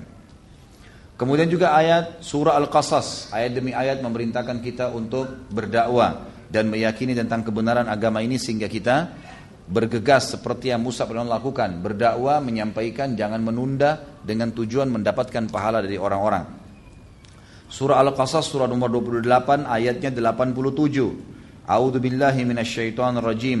ولا يصدنك عن آيات الله بعد إذ أنزل أنزلت إليك وادع إلى ربك ولا تكونن من المشركين Jangan sampai ada yang mengalihkanmu hai Muhammad dan semua dai juga masuk dalam ayat ini yang mengikuti Nabi SAW. Setelah ayat-ayat itu sampai kepadamu sudah tahu kebenaran, jangan lagi ada yang mengalihkan. Ah enggak itu mungkin maknanya begini. Enggak, sudah jelas perkataan Nabi SAW, penjelasan para sahabat, maka kita dakwakan. Dan kata Nabi kata Allah SWT dan dakwahkanlah itu semua di jalan Tuhanmu dan jangan kamu termasuk orang-orang yang musyrik. Kemudian teman-teman sekalian, ini semua perintah untuk Nabi SAW ya, tapi juga masuk kita sebagai umatnya. Dalil terakhir ayat Al-Quran tentang perintah Allah kepada Nabi Muhammad SAW adalah surah Ashura, surah nomor 42 ayat 14 sampai 15. A'udzu billahi minasyaitonir rajim. Wa ma illa min ba'di ma ilmu bainahum. Orang-orang ahli kitab yang sedang kau dakwahi hai Muhammad Yahudi dan Nasrani, mereka tidak berselisih tentang terima atau enggak ya dakwah yang kau sampaikan ini, kecuali justru setelah ilmu datang kepada mereka. Jelas kok ini benar Islam, ya lanjutan daripada agama yang disampaikan oleh nabi-nabi sebelumnya Musa dan Isa alaihi wassalam. Jelas Al-Quran adalah pelengkap daripada Taurat dan Injil. Jelas disebutkan dalam Taurat dan Injil dan seterusnya. Gitu kan. Itu semua karena hasud di antara mereka. Mereka tidak mau karena hasud saja. Walaula kalimatun sabakat min rabbika ila ajalin musamman lakudiya bainahum. Kalau bukan karena takdir Allah, memang sudah punya umur nih dunia ini dan manusia-manusia serta makhluk-makhluk tersebut, maka tentu Allah sudah membinasakan mereka. Innal ladina urithul kitaba min ba'dihim lafi syakkim minhu murib. Ya. Sesungguhnya orang-orang yang telah mewarisi Alkitab, Al uh, uh, Taurat dan Injil, mereka sempat ragu dengan apa yang kau bawakan. Falidzalika fad'u. Oleh karena itu, dakwakanlah wastakhim dan berpegang teguh pada agama ini kama umirta sebagaimana kau diperintahkan. Wala ahwa'ahum. Jangan pernah ikuti hawa nafsu mereka. Sudahlah, jangan terlalu keras. Sudahlah, nggak apa-apa. Toleransi. Apalagi sekarang banyak yang didakwakan semua agama sama, nggak masalah kok, gitu kan? Sama-sama tujuannya, ini semua tidak benar, harus dibantah. Wa qul amantu bima anzalallahu min kitab Wa umirtu li'adila bainakum. Katakan cuma satu, aku beriman kepada apa yang telah Allah turunkan kepadaku dari Alkitab, Al-Quran. Dan aku diperintahkan untuk berlaku adil di antara kalian. Menyampaikan ini, meluruskan kalau Isa bukan anak Tuhan, gitu kan. Uzair bukan anak Tuhan bagi orang-orang Yahudi juga. Allahu Rabbuna wa Rabbukum. Allah Tuhan kami dan Tuhan kalian. Lalu apa yang harus diperselisihkan? Lana amaluna walakum amalukum. Nah, kami juga sudah punya syariat diturunkan dan sebagaimana kalian punya syariat, cuma ini melengkapkannya. La hujjata bainana wa bainakum. Tidak ada argumentasi yang kalian harus sampaikan di antara kami dan di antara kalian. Allahu yajma'u bainana. Kalau kalian mau menolak, maka Allah pasti akan menyatukan kita di hari kiamat wa ilaihil masir dan kepadanya lah kita akan atau kalian akan dikembalikan. Umat ini teman-teman sekalian, tadi itu perintah untuk Nabi SAW dan masuk di antaranya kita sebenarnya. Tapi kita juga sebagai umat Islam tidak boleh tinggal diam. Antum hadir di majelis ilmu jangan tinggal diam, harus sebarkan. Apa yang sudah dipelajari disebarkan, asal jelas sumbernya, dalilnya, sebarkan. Karena memang agama ini kebenaran, bukan hanya untuk konsumsi pribadi. Harus disebarkan, sebarkan kepada siapa pun. Dan itu perintah Allah jelas. Di dalam Al-Quran, di dalam surah Al-Imran, urutan 3 ayat 104 sampai 105. A'udzu billahi minasyaitonir rajim wal takum minkum ummatun yad'una ilal khairi wa ya'muruna bil ma'ruf wa yanhauna 'anil munkar. Harus ada di antara kalian umat, umat itu sekelompok orang mayoritasnya yang menyuruh kepada kebaikan dan melarang dari kemungkaran ya. Yang yang memanggil pada kebaikan, maksudnya agama Islam ini menyuruh kepada kebaikan dan melarang dari kemungkaran. Wa ulaika humul muflihun dan mereka itulah orang-orang yang beruntung. Makna kalimat ulaika humul muflihun bagi yang berdakwah adalah mereka kalau berteman kata ulama tafsir akan langgeng persahabatannya. Kalau berumah tangga akan tentram rumah tangganya. Kalau berusaha maka mereka akan sukses dalam usahanya. Kalau mereka melakukan apa saja aktivitas semuanya diberkahi. Itu makna daripada orang-orang itu mendapatkan keberuntungan. Khusus bagi orang yang berdakwah dijanjikan itu. Wala takunu kalladina tafarraqu wakhtalafu min ba'di ma ja'ahumul bayyinat. Dan jangan pernah kalian ikuti ahli kitab, Yahudi dan Nasrani, yang justru mereka berselisih, berpecah, setelah datang kepada mereka penjelasan-penjelasan. Wa ulaika lahum azabun azim. Mereka memiliki azab yang berat. Nabi SAW juga mengingatkan kepada kita dalam hadis Bukhari kisah tentang Ali radhiyallahu anhu pada saat perang Khaybar. Ini sebenarnya saya pernah saya kutip ya waktu kita bahas Ali radhiyallahu anhu. Saya ulangi sejenak, Ali radhiyallahu anhu waktu itu sakit mata. Lalu Nabi SAW sempat mengatakan di malam hari setelah mengepung Khaybar 43 hari, tepatnya 45 hari lah dikepung dan belum pernah belum bisa tembus benteng karena kokohnya benteng mereka. Lalu Allah Subhanahu wa taala memberitakan berita gembira malam itu melalui Jibril alaihissalam kepada Nabi Muhammad sallallahu alaihi wasallam kalau besok muslimin akan menang. Lalu Nabi SAW mengatakan saya akan memberikan bendera kemenangan ini besok kepada orang yang mencintai Allah dan Rasulnya. Allah dan Rasul juga mencintainya. Kata Umar radhiyallahu anhu pada malam itu kami tidak bisa tidur karena berpikir siapa yang akan dikasih bendera besok subuh nih? Gitu kan? Dan belum pernah saya berharap menjadi seorang pemimpin kecuali pada saat itu karena mulianya. Ada janji Allah dan Rasulnya mencintainya dan dia juga mencintai Allah dan Rasulnya maka keesokan pagi habis sholat subuh kata Nabi SAW kepada pasukan muslimin mana Ali bin Abi Thalib Kata mereka lagi di kemahnya Rasulullah dan Ali bin Thalib lagi sakit mata. Jadi bengkak matanya dan tidak bisa melihat sama sekali, buram. Maka kata Nabi SAW datangkanlah, datangkan lalu Nabi SAW meniup ya matanya dalam riwayat yang katakan meludahi mata Ali radhiyallahu anhu sebagai mukjizat, kemudian sembuhlah mata Ali radhiyallahu anhu dan ingat ini ludah Nabi Muhammad sallallahu alaihi wasallam. Lah iya karena banyak orang kita konyol kadang-kadang gitu kan.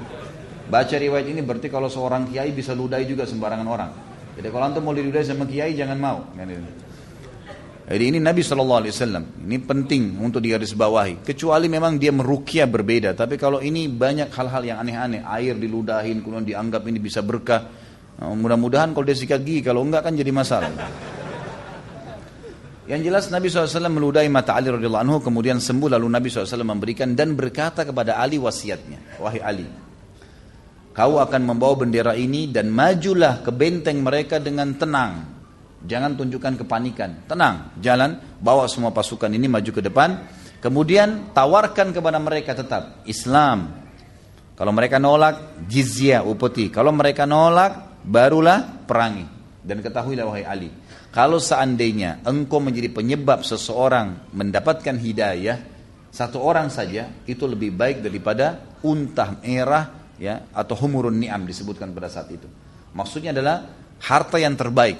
Karena selama orang itu melakukan ibadah, maka berarti kita akan dapat pahalanya. Kita akan dapat pahalanya. Tapi saksi bahasan kita adalah perintah Nabi SAW walaupun di kancah jihad berdakwah. Sampaikan dakwah itu dulu. Mereka nolak Islam baru jizyah, kalau mereka nolak baru bayar upeti. Juga hadis yang masyhur dari Nabi Shallallahu Alaihi Wasallam, ya. Siapa yang menyuruh kepada kebaikan, maka dia akan mendapatkan pahala orang yang mengikutinya tanpa mengurangi pahala pengikutnya sedikit pun, gitu kan. Juga hadis yang masyhur, siapa yang memberikan contoh yang baik dalam Islam, man sanna fil islami sunnatan hasanah, gitu kan. Maka dia akan mendapatkan pahala orang-orang yang mengikutinya dan ini ada sebabnya hadis disebutkan. Pernah saya sebutkan kalau antum masih ingat, kalau ada beberapa sahabat badui datang karena miskinnya sampai mereka tidak punya kain lagi kecuali satu lembar yang dipasang di badannya. Kemudian kalau angin meniup bisa tersingkap auratnya dan pada wajah mereka kelihatan warna merah kehitam-hitaman karena susahnya ya. Biasa orang kalau tidak punya makanan yang cukup, minum yang kurang atau cuaca yang panas akan membuat kulitnya seperti ini. Yang jelas kata Nabi SAW waktu melihat mereka naik atas mimbar motivasi sahabat untuk bersodakah. Sodakalah, sodakalah, sodakah gitu kan. Nabi SAW motivasi mereka. Sodakah bisa meredam murkanya Allah. Tidak akan berkurang harta hamba karena sodakah. Dimotivasi sahabat. Lalu kata Nabi SAW dalam hadis yang panjang penutupannya adalah dan bersodakahlah kalian walaupun walaupun dengan sebutir kurma. Artinya bukan sebutir kurma, setengah kurma. Setengah kurma. Kurma ini teman-teman sekalian maksudnya adalah kalau kalian punya kurma satu butir saya di rumah datangkan potong dua. Kasih saya setengah untuk saya kasih kepada orang miskin setengahnya kamu makan. Seperti itulah. Berdirilah seorang sahabat yang mulia. Tapi dalam riwayat ini tidak disebutkan namanya. Beliau kemudian ya mengeluarkan beberapa dirham dari kantongnya lalu meletakkan di hadapan Nabi SAW mengatakan ya Rasulullah ini saya sodakahkan yang saya miliki. Maka kata Nabi Shallallahu Alaihi Wasallam, siapa yang memberikan contoh yang baik dalam Islam, maka dia akan mendapatkan perilaku atau pahala orang yang mengikutinya. Ini kenapa saya jadi beratkan teman-teman sekalian? Karena banyak orang yang salah faham menyebarkan bid'ah yang Nabi SAW tidak contohkan dengan hadis ini. Dia mengatakan man sanna fil islami sunnatan hasanah. Siapa yang memberikan contoh yang baik dalam Islam. Jadi ada katanya sunnah hasanah, gitu kan? Sunnah hasanah. Jadi kita perlu garis bawahi. Lalu mereka bilang ini adalah bidah hasanah. Afwan, e, pertanyaannya disortir akhi. Jangan digabungin sama yang sudah disortir karena kita fokus ke yang sesuai dengan tema. Taruh aja ya. Jadi banyak orang bilang ini berarti boleh orang melakukan bidah hasan nih karena masalahnya ada hadis ini sunnat hasanah. Tentu khilaf di antara ulama tentang masalah ini, tapi saya coba memberikan pemahaman dari hadis ini, gitu kan? Ternyata di sini Nabi SAW mengatakan man sanna fil islami sunnatan hasana. Sunnatan hasana adalah sunnah yang baik. Maksudnya adalah memang sudah pernah ada contohnya. Sadaqah yang sahabat ini lakukan memang sudah diperintahkan sebelumnya. Nabi kan SAW ceramah ya. Maka karena dia lakukan apa yang sedang Nabi sunnahkan, maka Nabi mengatakan siapa yang menjadi contoh, mendatangkan contoh yang hasanah, yang baik nih.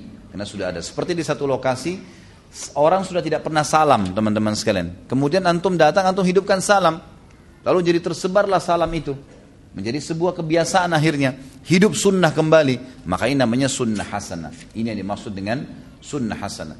Jadi ini juga semua adalah dalil-dalil yang menjelaskan tentang pentingnya seseorang untuk berdakwah di jalan Allah Subhanahu wa taala. Jadi kita akan panen pahala orang-orang yang kita dakwahi. Dan ingat teman-teman sekalian, sebuah konsep dasar dalam Islam Tugas kita hanya melakukan.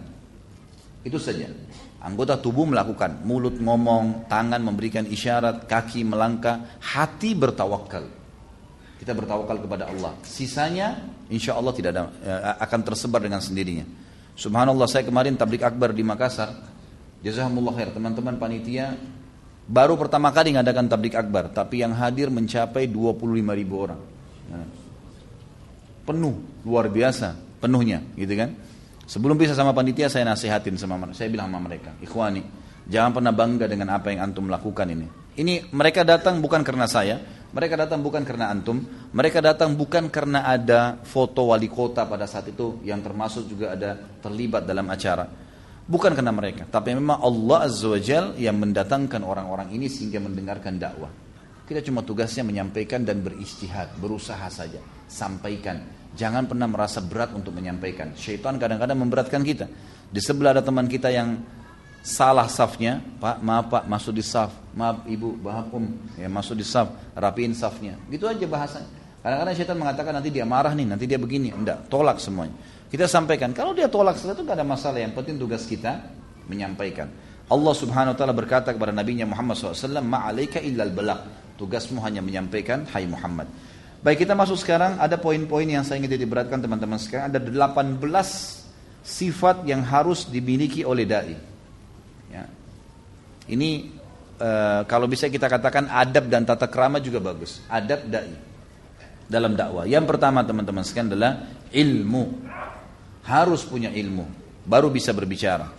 Kalau tidak punya ilmu jangan berbicara. Dan antum sudah termasuk punya ilmu kalau di sub bahasan yang sedang mau dibahas itu sudah faham. Misal kita belum faham semua agama, tapi khusus di bab sholat kita udah tahu nih tata caranya, udah tahu dalilnya, itu yang kita sampaikan. Maka berarti kita sudah punya ilmu di sub bahasan itu.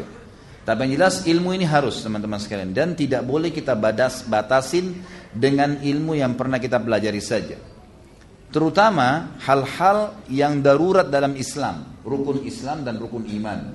Ini dasar sekali. Harus dimulai dari situ, ya.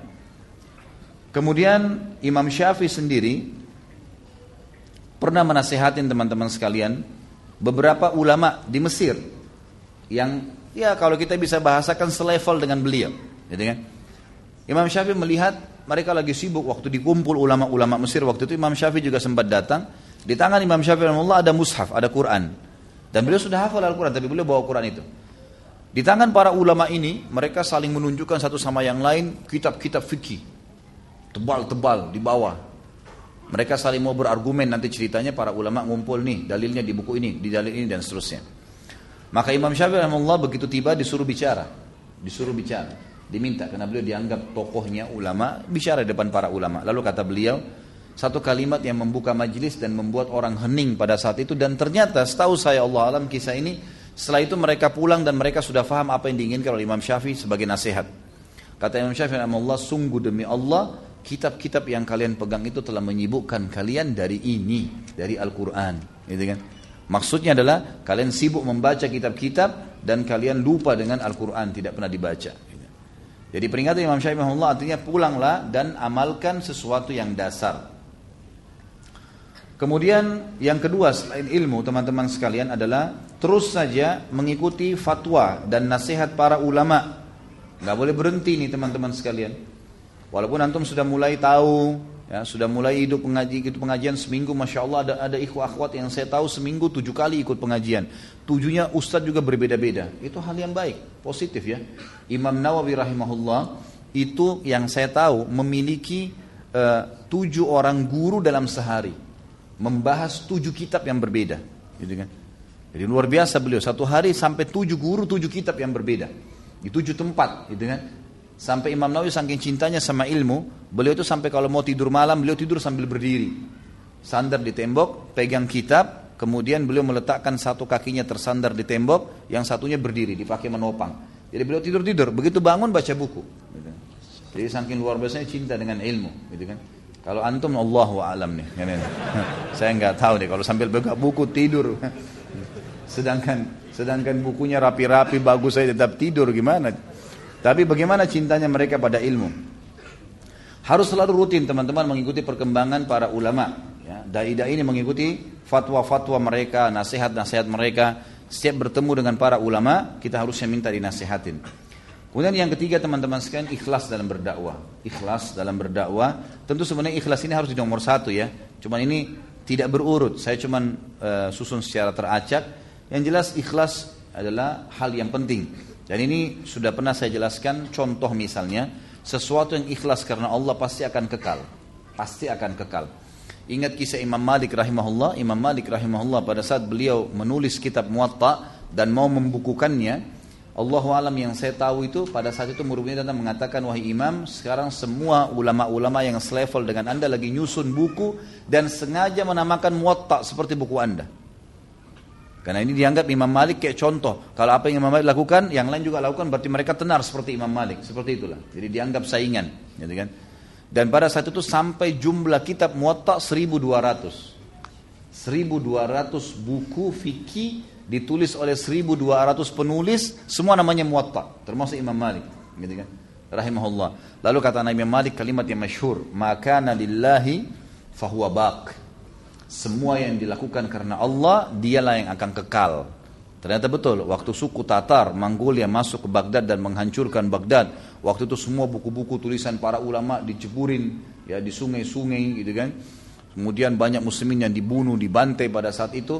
Subhanallah termasuk buku-buku muwatta ya, yang ada tersebar pada saat itu di Irak. Karena Imam Malik di Madinah ya. Tapi ulama-ulama yang ada di Irak pada saat itu yang menulis mencontoh Imam Malik yang ada di Madinah mereka semuanya dihancurkan bukunya oleh orang-orang Tatar ini orang suku Tatar orang Mongolia dan muwatta yang itu Malik di Madinah tinggal dan sampai sekarang kita bisa membaca buku itu. Artinya keikhlasan teman-teman sekalian dalam melakukan perbuatan itu akan menghasilkan banyak manfaat. Yang keempat, orangnya hikmah. Ya. Hikmah, hikmah ini maksudnya tadi saya bilang meletakkan sesuatu pada tempatnya dan kita ambil dari kisah Musa radhiyallahu anhu bagaimana beliau sangat hakim, sangat bijaksana dalam mendakwahi Sa'ad bin Mu'ad dan Usaid bin Khudair radhiyallahu anhu radhiyallahu anhum ajma'in. Dan ini harus tahu waktu, tempat tepat untuk berdakwah, gitu kan? Kadang-kadang kita nggak bisa berdakwah teman-teman sekalian. Kayak kita lagi di busway, lagi padat. Sulit kita untuk berdakwah. Bagaimana caranya? Tapi kalau ada kemungkaran yang jelas dan kita bisa ingatkan, kita ingatkan. Tapi ada keadaan yang tidak memungkinkan, gitu kan?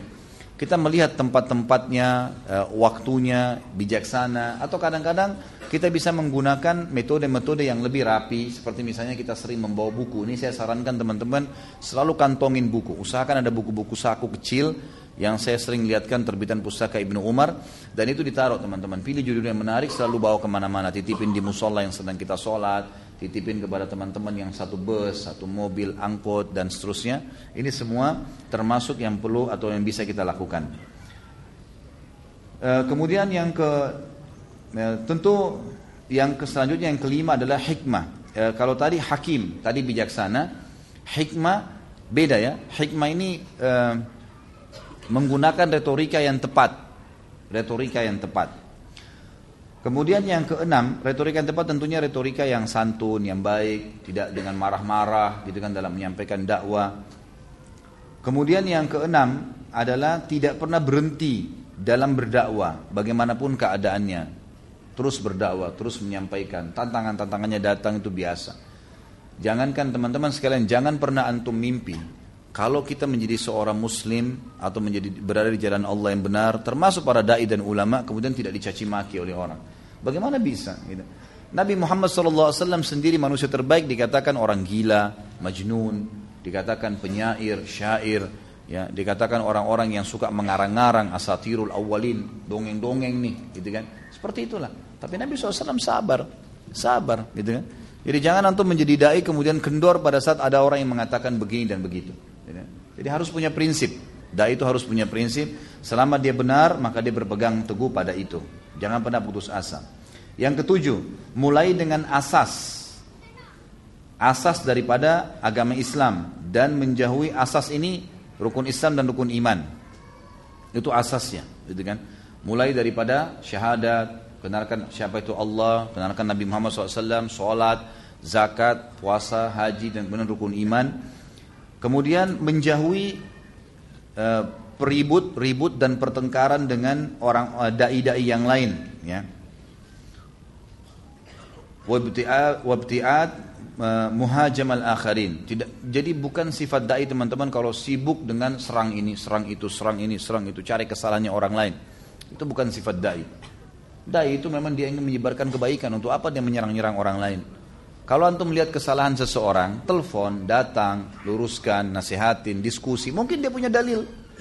Pernah Imam Malik rahimahullah ketemu dengan Imam Abu Hanifah. Dua-duanya terkenal imam madhab di zamannya, gitu kan? Imam Abu Hanifah meninggal tahun 150 Hijriah, tahun lahirnya Imam Syafi'i dan Imam Malik meninggal tahun 179 Hijriah. Waktu itu sering berselisih pendapat. Kenapa? Karena Abu Hanifah rahimahullah tinggal di Irak. Waktu itu banyak hadis palsu. Maka beliau hati-hati sekali dalam mengambil hadis. Makanya madhab Imam Abu Hanifah itu banyak menggunakan nalar. Dari satu dalil dirincikan banyak, gitu kan? Ada dalilnya tapi kebanyakan dinalarkan. Imam Malik rahimahullah tidak berbeda. Itu Imam Abu Hanifah. Imam Malik berbeda. Imam Malik karena tinggal di Madinah, jadi beliau banyak berpegang pada hadis. Bahkan dalam buku fikihnya beliau, fikih Malikiyah, itu uh, beliau menyebutkan uh, sa takarannya ahli Madinah, penduduk Madinah itu adalah bagian daripada hukum. Beliau mengatakan kenapa? Karena beliau bilang ini masyarakat Madinah menggunakan sa takaran untuk mengukur kurma, ya gandum itu yang dipakai dari zaman Nabi Muhammad SAW turun temurun. Imam Malik masih generasi tabi tabiin. Beliau belajar dari Nafi. Nafi ini adalah budaknya Abdullah bin Umar. Ya. Maka beliau mengatakan sampai seperti itu. Ya, di Madinah ini sampai perilaku penduduk Madinah bisa dijadikan sebagai hujah pada saat itu. Bertemulah dua imam ini di musim haji. Lalu Imam Malik rahimahullah dikatakan oleh muridnya, "Hai Imam, selama ini orang yang menjadi musuh Anda, tanda kutip ya, perselisihan pendapat ada di sana. Abu Hanifah datang dari Irak lagi haji. Silakan Anda temui." Datanglah Imam Malik menemui Imam Abu Hanifah. Terjadilah dialog di antara mereka berdua. Waktu itu Imam Malik melarang murid-muridnya untuk ikut. Dan ini juga termasuk adab. Kalau seorang alim ulama, seorang dai yang besar, masya Allah ingin berdebat teman-teman, bukan di depan murid-muridnya. Mereka tidak faham masalah itu. Berdebatlah berdua, kan gitu. Ini bukan kalau lain kalau debat antara agama lain, gitu kan. Ini berdebat antara sebuah pendapat, sebuah dalil, berdebatlah yang masuk di akal berdua, masing-masing datangkan argumentasi dalilnya, maka itu jelas. Ini yang penting. Imam Malik lakukan itu sampai selesai. Kemudian Imam Malik berdiri, salaman sama Abu Hanifah berpelukan lalu kemudian berdiri. Lalu murid-muridnya heran mengatakan, wah Imam, anda berpelukan dengan orang ini. Kata Imam Malik, iya. Allah telah memper, mempertemukan kepada saya seseorang yang kalau dia ingin membuat tiang-tiang masjid haram ini bicara maka bisa berbicara. Maksudnya saking luar biasa kuatnya argumentasinya Imam Abu Hanifah rahimahumullah. Yang jelas seperti itulah caranya, adabnya gitu kan. Jadi tidak boleh kita keliru dalam masalah-masalah seperti ini. Harus menghormati pendapat orang lain, teman-teman. Jangan menyerang kerjaannya. Jadi ya, sini mulai dengan asas jangan menyerang orang lain selama itu ada dalil, ya. Kemudian mulailah meluruskan yang mungkar itu yang kelihatan. Jangan memukul rata. Nah. Tetangga kita misalnya kita lihat teman-teman sekalian dia tidak sholat maka berarti yang sedang mungkar adalah tidak sholatnya. Itu yang kita sorotin. Kan? Yang kelihatan depan mata. Tidak perlu kita mencari tahu kesalahan dia, ini pendapatannya apa ya. Mungkin dia di rumahnya makan haram atau tidak ya. Dia pakai ini dan dan seterusnya. Ini nggak perlu dikobok-kobok begitu. Kecuali yang kelihatan depan mata. Gitu kan?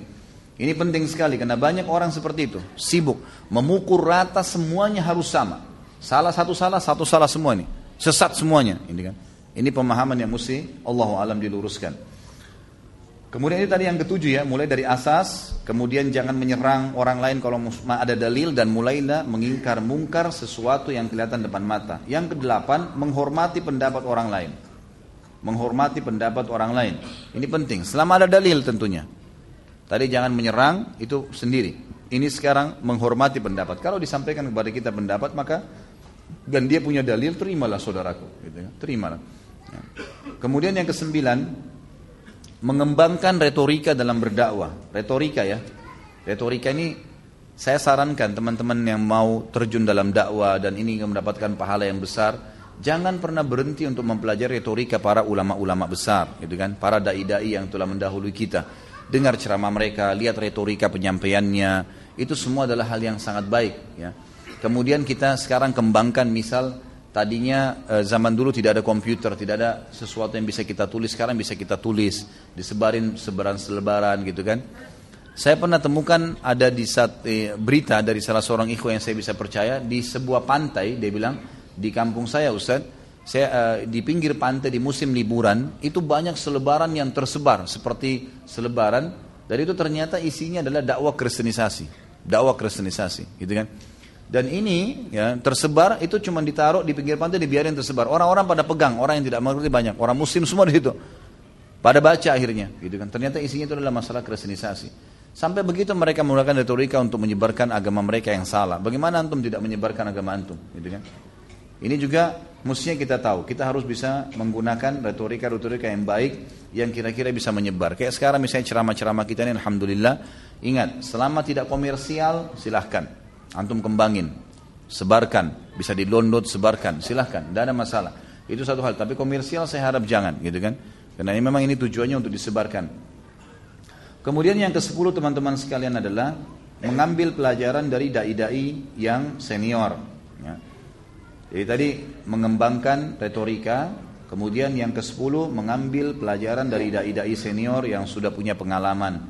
Terutama kalau kita ingin masuk ke sebuah lokasi baru, seperti misalnya saya ingin ceramah di Irian, jangan terjun bebas gitu kan. Tapi kita coba cari tahu siapa nih dai yang pernah ke sana atau kita baca informasi tentang tempat-tempatnya gitu kan. Saya waktu pertama datang ke Irian masuk ke pedalaman saya nggak ngerti apa pun waktu itu. Tapi akhirnya yang saya lakukan adalah coba saya pelajari tentang kondisi kampung-kampung yang ada di sana, berapa komunitas muslim, dan begitu tiba di satu kampung saya paling pertama nanya, mana masjid? Ada masjid nggak ada? Saya pamit sama marbotnya, bisa saya nginap di masjid? Bisa. Baik, silahkan. Akhirnya mulailah saya uh, uh, apa namanya mengembangkan dakwah di situ dengan cara saya mendatangi masjid itu sendiri. Kemudian yang ke-11 teman-teman sekalian, kita harus ya, zuhud, zuhud ini uh, membatasi diri ya, membatasi diri dari apa yang dimiliki oleh orang. Jadi dai itu sulit untuk sukses kalau dia selalu targetnya untuk mendapatkan keuntungan duniawi dari ceramahnya, gitu kan? Kalau sesuatu yang memang didiskusikan, dibicarakan atau memang dia diberikan itu lain. Tetapi kalau dia tentukan tarif misalnya, ini nggak boleh. Jadi, ini akan mengganggu keikhlasan dalam berdakwah. Sebagaimana sabda Nabi SAW untuk mencari, menarik hati orang uzhud fid dunya yuhibbukallah wazhud fi ma, ma bi aidin nas yuhibbukan nas ya cobalah kamu zuhud di dunia artinya kamu batasi kecuali hal-hal yang penting saja di dunia maka Allah akan mencintaimu. Dan zuhudlah terhadap apa yang di tangan orang batasi jangan sampai eh, mengemis dengan mereka maka manusia akan mencintaimu. Yang kedua belas karam. Karam ini e, dermawan dermawan suka memberi. Ya, katakan sekarang kesannya banyak dai-dai mereka malah yang suka mengambil.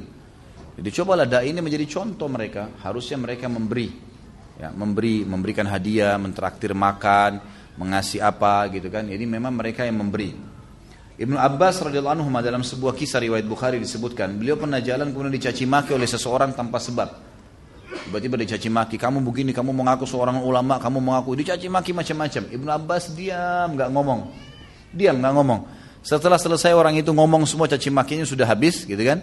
Maka kata beliau kepada ada ada ada ada seperti muridnya selalu ikutin sama dia namanya disilakan dengan gulam zaman dulu. Dia bilang, "Hai gulam, berikan tanyakan kepada orang yang ini yang tadi caci maki dia, tanyakan, ada hajat nggak dia? Ada hajat apa saja penuhi, kasih dia. Dan kasihkan jubah saya, dia lepas jubahnya, kasihkan jubah ini buat dia. Sampai orang itu yang jadi malu gitu. Bagaimana dai memiliki akhlak yang mulia seperti ini. Jadi jangan terbawa emosi kalau orang bodoh, caci maki biarin aja dia ngomong gitu kan. Tidak usah ikut-ikutan. Kemudian yang ke-13 adalah selalu menjaga penampilan yang rapi, bau badan yang wangi. Sunnah Nabi SAW. Memotong kumis, memakai pakaian yang bersih. Nabi SAW suka dengan itu. Pakai wangi-wangian gitu kan. Jangan sampai dainya ngomong kemudian orang semua pingsan karena bau mulutnya gitu kan. Ya atau mungkin bau badannya begitu orang mendekat ini semua ngaco gitu nggak bisa. Nah ini nanti orang jadi menjauh. Tapi dai itu selalu memang mengikuti sunnah Nabi SAW orang kalau mendekat orang senang. Ya minimal dengan performan yang sudah saya sebutkan tadi. Kemudian yang keempat adalah merendah tawadhu. Tawadhu ya. Merendah dan memiliki akhlak Nabi Muhammad SAW karena dia adalah penerusnya Nabi SAW Harusnya begitu. Ya. Dia mempelajari tentang sirah Nabi dan dia mengikuti retorika dakwah Nabi SAW dalam bersabar, dalam cobaan, gitu kan. Kemudian bersyukur dalam nikmat. Bagaimana beliau merangkul orang-orang, gitu kan. Sebab pernah dalam sebuah riwayat Bukhari dijelaskan ada satu orang Badui datang, lalu di hadapan Nabi Muhammad SAW dan di hadapan para sahabatnya orang ini mengatakan, Hai Muhammad, berikan saya apa yang kau milikin. Kasar sekali. Para sahabat begitu lihat caranya minta gini nih kurang ajar benar orang ini gitu kan. Tapi Nabi SAW tersenyum. Lalu memberikan ke dia. Memberikan ke orang itu. Diberikan di hadapan para sahabat. Sahabat semua diam karena Nabi SAW melakukan itu. Ternyata orang ini mengatakan, ini belum seberapa. Sudah dikasih, terus dia bilang ini belum seberapa. Bayangkan bagaimana memancing emosi gitu kan. Lalu kata Nabi SAW, baiklah. Kalau begitu, kamu ikut ke rumah saya, saya akan tambahkan untukmu. Ikutlah orang ini. Berdua dengan Nabi SAW ke rumah. Lalu kata Nabi SAW, ini saya kasih lagi. Cukupkah? Yang kedua kali dia mengatakan, belum hai Muhammad. Masih minta lagi. Lalu Nabi SAW keluarkan lagi, diberikan lagi. Kemudian sampai yang ketiga dikasih lalu dia mengatakan cukuplah. Dan dia sempat mengatakan jazakallahu khair. Gitu kan? Jadi ternyata ini cuma karena retorika dia, kebiasaannya gitu ya. Kebiasaan dia menggunakan kata-kata yang mungkin dianggap kasar, mungkin bagi dia tidak kasar. Ya. Mungkin teman-teman kalau dari Makassar tahu nih di sini. Bagaimana teman-teman di Makassar kalau ngomong, lampu itu kalau mau dimatikan dia bilang apa? Hah? Bunuh lampu. Ya. Itu udah biasa. Jadi antum jangan kaget kalau ke Makassar dengar orang matikan lampu itu bunuh lampunya. Lampu aja dibunuh gitu kan. Hmm. Tapi sudah begitu retorika dan itu bukan niat kasar ya. Bukan niat kasar, memang sudah begitu bahasanya. Kan sudah begitu. Mungkin kita berteman sama teman-teman nelayan biasa teriak-teriak panggil temannya, itu suaranya tinggi. Memang sudah biasa begitu. Nabi SAW ketemu sama Baduin, lalu ternyata dia setelah dikasih apa yang dia mau, dia memang punya target. Belum capai, dia bilang belum ya Rasulullah. Waktu dikasih sempurna dia mengatakan jazakallah khair. Kata Nabi SAW kalimat yang kau ucapkan ini mulia. Ini yang kau ucapkan baik, tepat, gitu kan? Ketahuilah, tadi waktu kamu datang, kamu menggunakan retorika yang kurang tepat, kurang baik. Dan di diri sahabat-sahabatku ada masalah. Mereka membencimu dengan perkataan tadi. Maka kamu mau nggak? Kalau kamu pulang, kamu sekarang saya keluar sama saya ke depan, lalu kamu mengucapkan kalimat yang sama yang kamu ucapkan tadi. Jazakallah khair. Dia mengatakan tentu, saya akan ucapkan. Baik, keluarlah Nabi SAW, lalu Nabi SAW langsung mengkelirkan masalah pada saat itu. Dan ini penting teman-teman sekalian, ada masalah kelirkan. Jangan ditunda, jangan dinginapkan. Menginapkan masalah ini akan membuka pintu-pintu syaitan. Gitu kan?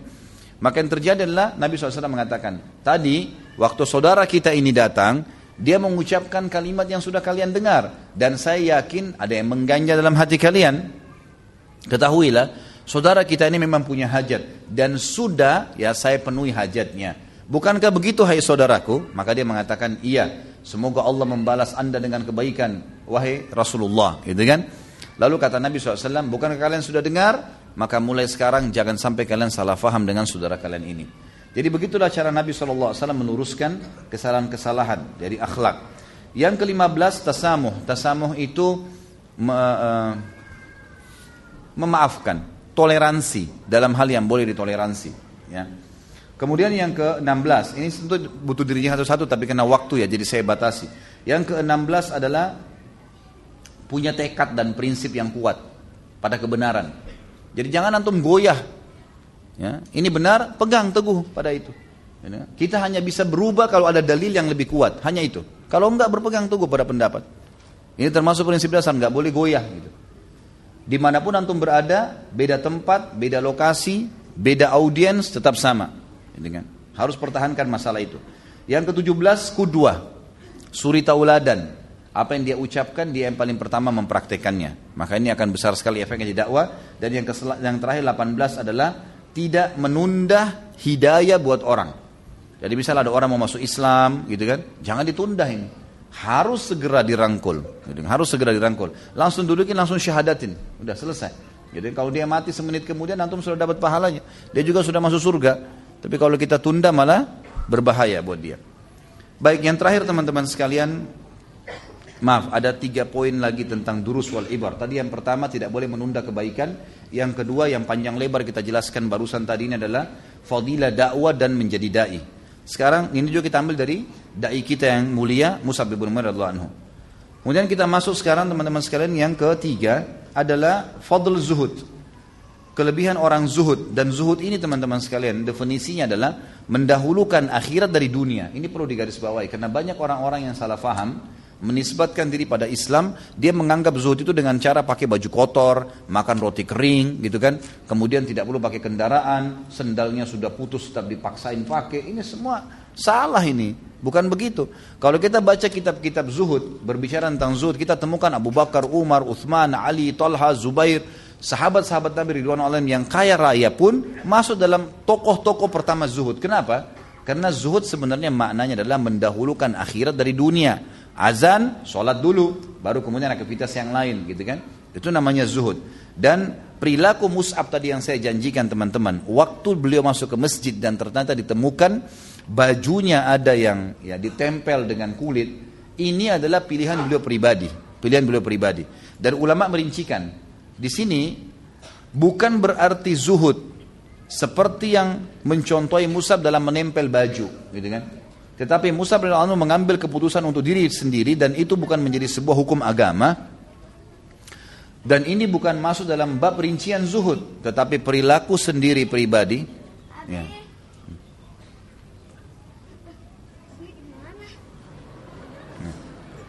Perilaku sendirian, ya, perilaku Musa radhiyallahu sendiri yang memilih masalah itu.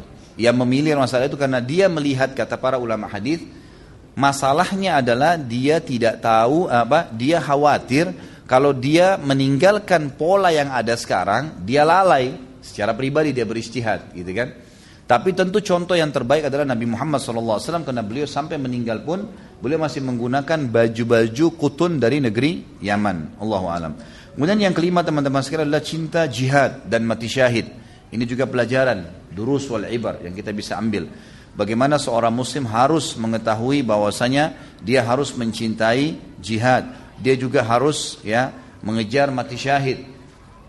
Ini sebagaimana disabdakan oleh Nabi SAW, siapa yang mengejar mati syahid dengan jujur, maka Allah akan memberikan padanya kedudukan syahadah walaupun walaupun dia mati di atas ranjangnya. Dan kita ambil pelajaran bagaimana Mus'ab setelah dipotong tangannya pun tetap memegang bendera. Karena dia tahu yang dia kejar memang mati syahid. Dipotong tangan kedua dia masih pegang dengan sisa tangannya. Dalam kondisi darah melumur semua di bajunya.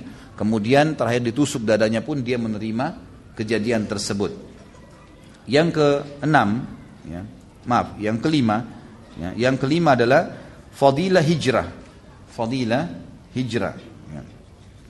Ya. Fadilah hijrah ini teman-teman sekalian adalah sebagaimana kita sudah tahu misalnya surah An-Nisa ayat 100 ya. An-Nisa ayat 100 yang bunyinya a'udzubillahi minasyaitonirrajim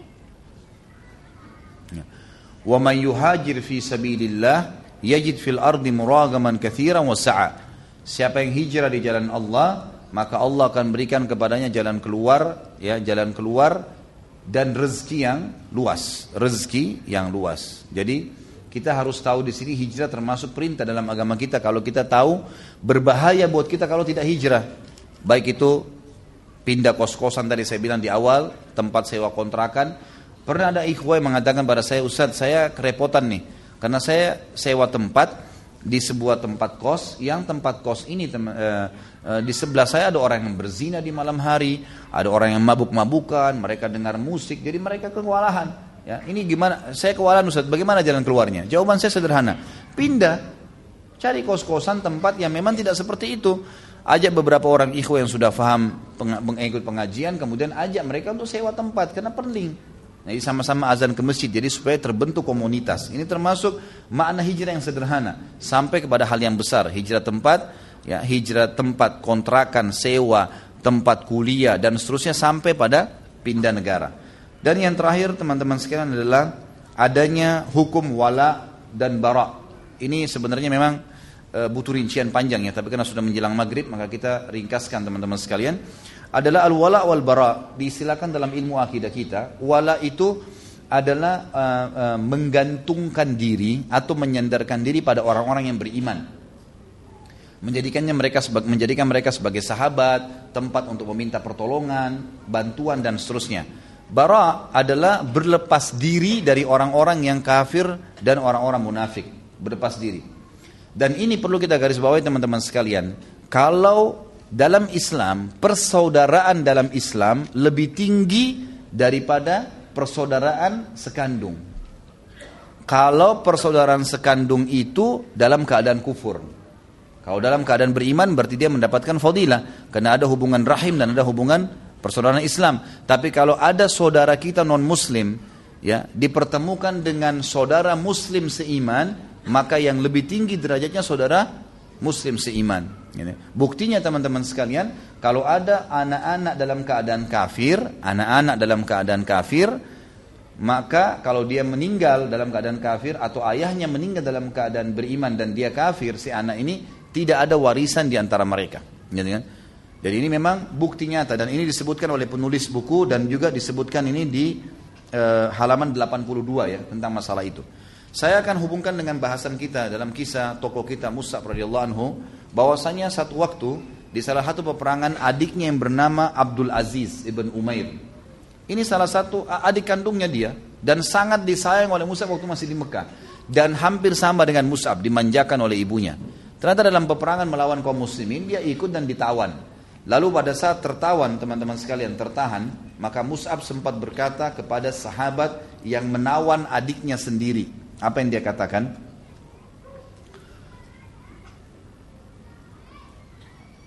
Baik, saya bacakan di halaman 82 ya. Salah seorang tawanan adalah Abdul Aziz bin Umair bin Hisham, saudara kandung Mus'ab bin Umair.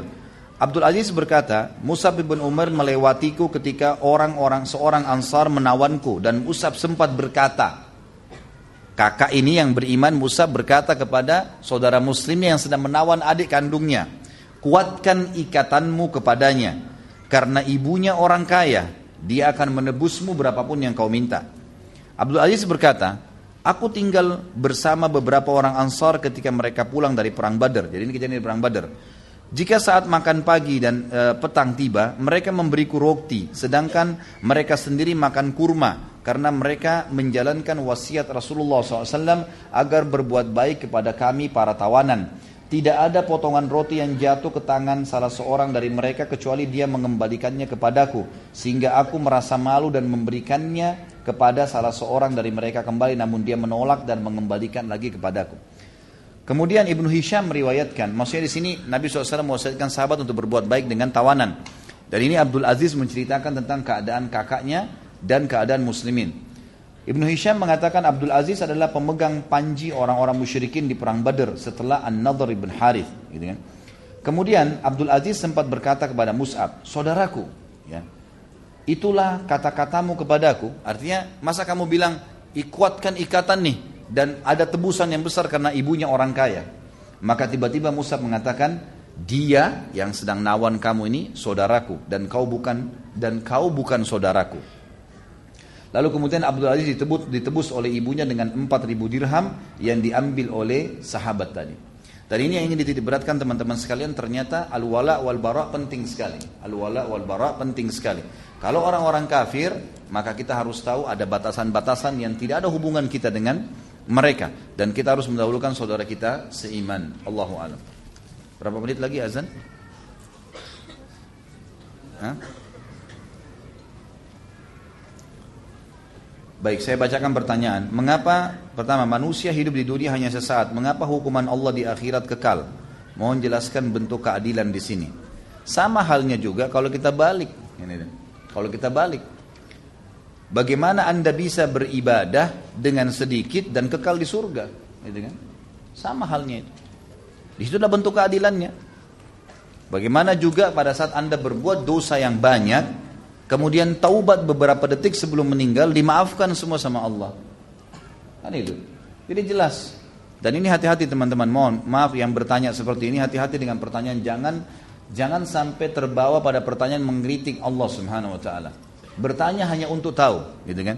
Jadi bahasa misalnya mohon jelaskan bentuk keadilan di sini ini hati-hati jangan sampai kita hanya membawa diri kita seperti sebagian orang-orang liberal.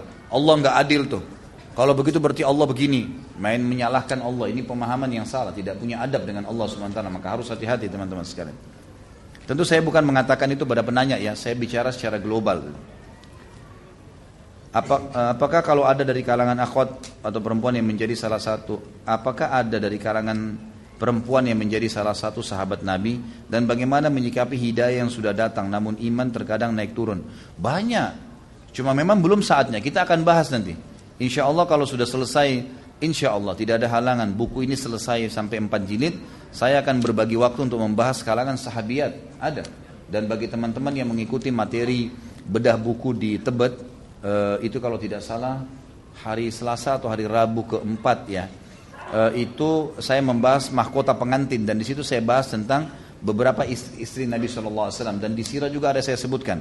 Akan ada saatnya nanti kita akan bahas. Jadi ada di antara sahabiat. Bagaimana menanggapi, menyikapi hidayah yang sudah datang, rangkul segera bentuk komunitas dan amalkan. Itu sederhananya, supaya bisa bertahan. Saya adalah seorang akhwat, bolehkah saya beribadah karena saya ingin bertemu dengan Rasulullah SAW nanti di surga karena saya ingin menyaksikan kemuliaan akhlak dan ketampanan baginda Nabi SAW. Tentu saja boleh, gitu kan? Karena Nabi SAW menyebutkan misal contoh, ana wa kafilul yatim kahataini fil jannah. Saya dengan sponsor anak yatim seperti ini di surga, kan gitu. Berarti ada kebersamaan dengan Nabi SAW dan ini berlaku bagi laki-laki dan perempuan. Hadis yang lain riwayat Baihaqi dengan sanad Hasan, saya pemimpin kata Nabi SAW di sebuah kem istana surga di tempat rendah surga bagi orang-orang laki-laki atau perempuan yang meninggalkan perdebatan walaupun mereka dalam keadaan benar. Sudah pernah saya ajarkan nih. Jadi kalau benar kita sampaikan argumennya, tapi kalau kita lihat orang ini salah tetap ngotot jangan dilayani udah. Kita dapat istana di surga. Nabi SAW pemimpin di kem itu.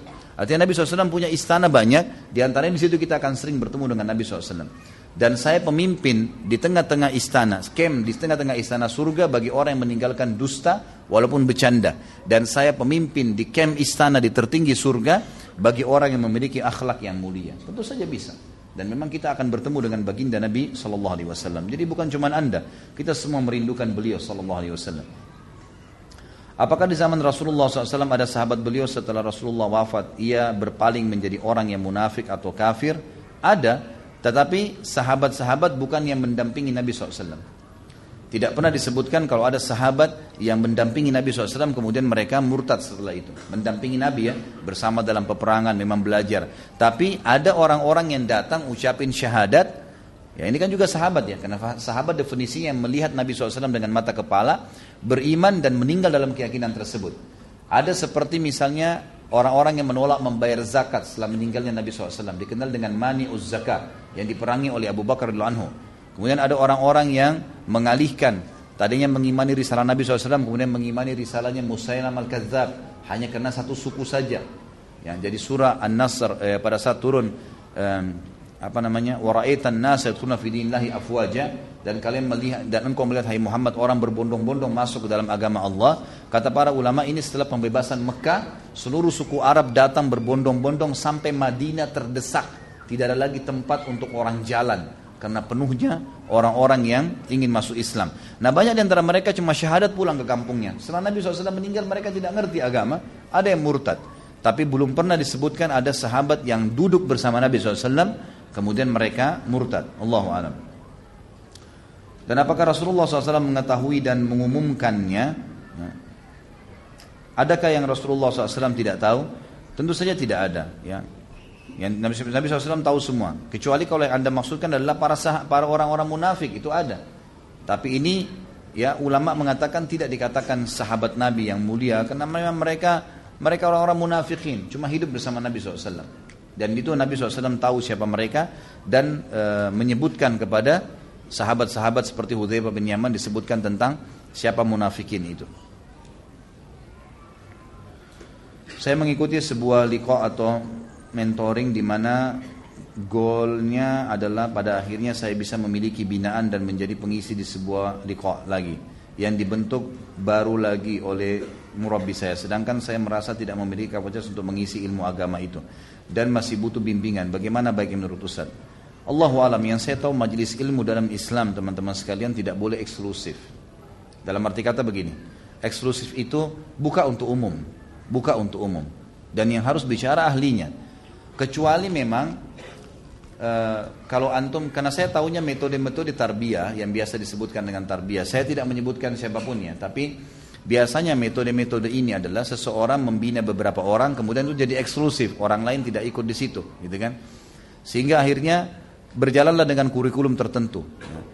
Dan kalau misalnya si murabbi ini, si pendidik ini tidak punya pengajian umum yang terbuka, yang terbuka umum, seperti ini terbuka siapa saja boleh datang misalnya. Maka itu jadi eksklusif dan ini jadi perbuatan yang baru karena tidak pernah Nabi SAW contohkan itu.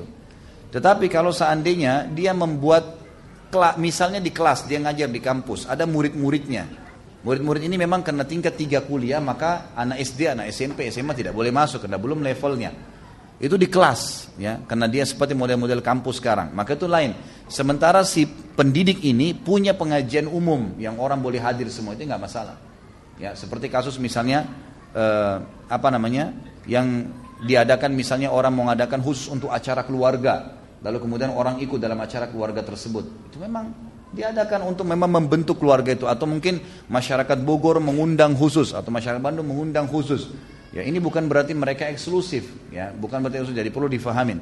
Tapi kalau misalnya orang seperti ini dia cuma dididik oleh sedikit sedikit orang, kemudian belum mampu punya ilmu kayak tadi dibahasakan lalu harus menjadi pembina lagi Allah alam yang saya tahu lebih baik dihindari. Ya, Allah alam. Apakah setiap muslim wajib berdakwah walaupun masih baru mempelajari sunnah? Karena ada hadis yang mengatakan sampaikan dariku walaupun satu ayat. Dakwah seperti apa yang bisa dilakukan oleh setiap muslim? Sudah saya bahasakan tadi ya. Yang antum kuasai saja. Misal di sub masalah bab solat, antum sudah pelajari bab solat itu. Makanya di dalam web yang kita angkat, yang kami angkat web saya di www.khalidbasalama.com itu, kita coba bahas per kitab. Kitab Nyahil Muslim, kitab Bulughul Maram, kitab Kabair. Tujuannya untuk antum bisa ikutin tuh, gitu kan? Jadi bisa diikutin. Nah, nanti perba, perbahasan sudah jelas. Oh, ya ini dalilnya. Ya, ini bahasan tentang sholat, ini bahasan tentang puasa. Yang antum kuasain punya dalil, maka sampaikan. Ya, itu. itu saja. Dan jangan bicara yang tidak punya ilmunya. Ustaz buku kisah Musa bin Umair karangan siapa yang sunnah? Kalau khusus saya tidak tahu ya. Kalau khusus karena memang selama ini kebanyakan buku-buku induk ya seperti Syiar Alam Nubala ya buku-buku induk yang menceritakan seperti Tahzibut Tahzib yang membicarakan tentang biografi orang-orang saleh di kalangan sahabat dan tabi'in serta tabi tabi'in ini memang bicara secara lengkap mereka semua. Kalau khusus saya belum temukan, tapi tokoh-tokoh tertentu seperti misalnya Abu Bakar, Umar, Uthman, Ali Khulafaur Rashidin, 10 jamiul surga ini biasa sudah disebutkan. Kalau Mus'ab saya pribadi belum temukan. Mungkin keterbatasan saya gitu kan. Tapi bukan di depan antum insya Allah ini sudah cukup untuk dibaca. Pada bahasan atau kajian bulan lalu tentang sahabat dari gol budak, eh, golongan bulak, budak maksudnya, golongan budak. Salim Maula Abi Hudzaifah radhiyallahu anhu dijelaskan Salim menikah dengan sepupu Abu Hudzaifah. Eh, siapakah namanya? Sama sepupu Abu Hudzaifah itu kalau saya tidak salah Zainab.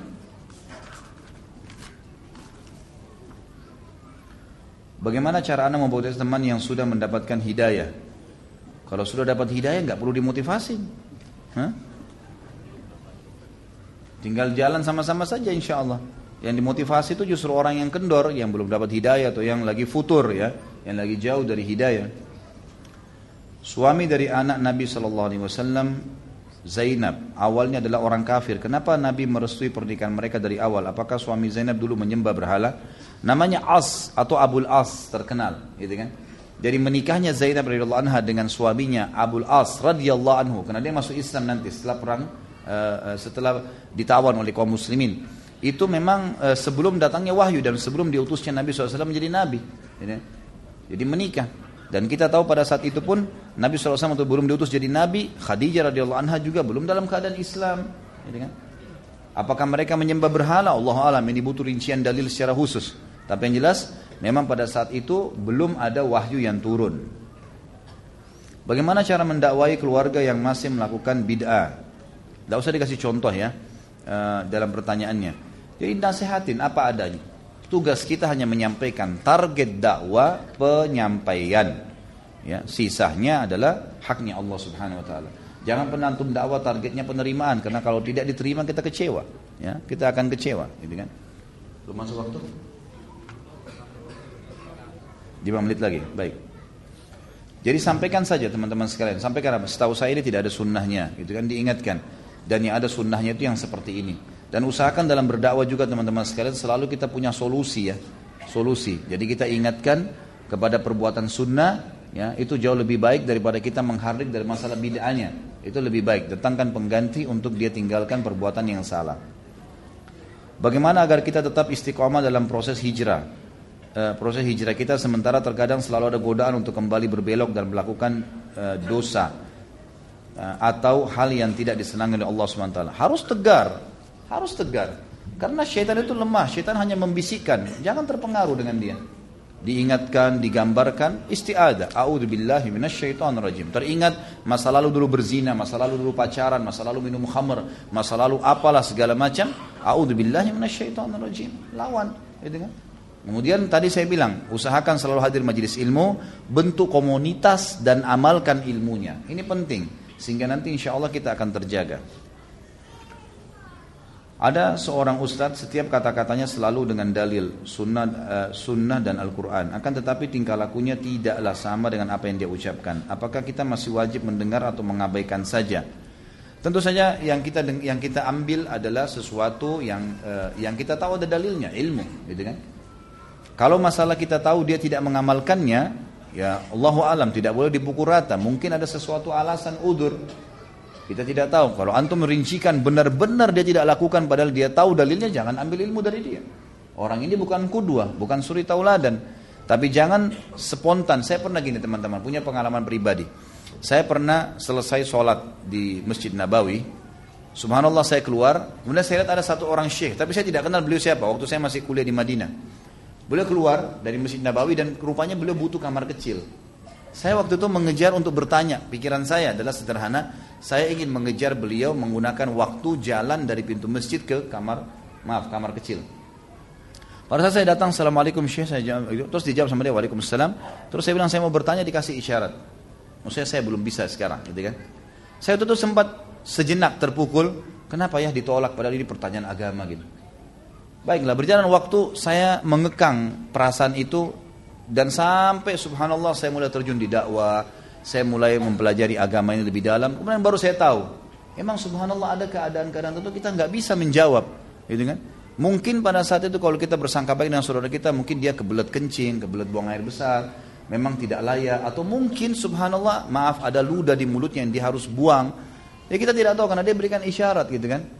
Nah, jangan sampai karena perbuatan seperti ini terus tiba-tiba antum fonis orang ini tidak baik. Misal contoh. Ya, Jadi kita harus tahu pasti dulu. Kalau antum pastikan jelas dia tahu dalil tidak dikerjakan depan mata, maka jangan ambil ilmu dari dia. Saya sudah bertobat dengan dari kemaksiatan-kemaksiatan yang dijalankan masa lalu. Baru saja saya hijrah, saya menyesal dengan perbuatan yang lalu. Saya tidak akan mengulangi. Saya juga apa ini? Saya juga sah tinggalkan apa sih? Saya coba melakukan amal-amalan belajar ilmu dan memberikan diri kepada Allah. Pertanyaannya, kenapa hati saya belum tenang? Selalu galau dan gelisah, ada saja yang terjadi. Apa masih banyak dosa yang melekat? Bagaimana hati saya bisa mendapatkan ketenangan yang sebenarnya? Iya, kalau galau itu masih ada dosa. Galau itu jawabannya karena masih ada dosa. Jadi antum berbanyak istighfar, lebih ikhlaskan lagi, gitu kan? Salah satu ini sebagian ulama mengatakannya dalam masalah tazkiyatun nafs Salah satu yang bisa dikatakan dosa itu masih ada kalau seseorang masih terbayang-bayang. Berarti dia masih punya bekas. Gitu. Maka coba beristighfar kepada Allah SWT murnikan niat. Karena kalau kita betul-betul sudah taubat naswa dan Allah bersihkan. Maka insya Allah kita berusaha ingat pun tidak teringat dosa itu. Allahu alam. Baik pertanyaan terakhir di sini. Bagaimana cara mendidik anak supaya rajin sholat? Karena selama ini jika disuruh sholat susah sekali. Gitu. Ya tentu saja kita berusaha menyampaikan, menasihatin, membuat mereka cinta, menjadikan, memberikan contoh di depan mata mereka. Mulailah dengan kalau sholat aja anak-anak, mulailah dengan menyebutkan fadilah-fadilahnya, dan kemudian berikan hadiah-hadiah berhubungan dengan masalah sholat itu. Mungkin begitu Allah alam. Mudah-mudahan apa yang kita bahas hari ini bermanfaat dan semoga Allah SWT memberkahi majelis kita dan juga menjadikan ini tambahan amal buat kita hari kiamat di hari kiamat nanti. Sebentar. Dan kita berdoa kepada Allah SWT semoga seluruh muslimin di Palestina, di Syria, di Yaman, di Irak, di Myanmar, di mana pun mereka berada, Allah berikan kemenangan, ikhlaskan niat mereka, Allah menangkan mereka dari musuh-musuh mereka dan Allah juga partisipasikan kita bersama mereka di pahala baik dengan doa dan harta juga dengan jiwa kita. Dan semoga Allah dengan kemahamurahannya menyatukan kita semua di surga firdausnya tanpa hisab, semana ia satukan kita di majlis ilmu yang mulia ini. Kalau benar dari Allah, kalau rasa dari saya mohon dimaafkan. Subhanakallahumma wa bihamdika, asyhadu an la ilaha illallah, atubu ilaih. Wassalamualaikum warahmatullahi wabarakatuh.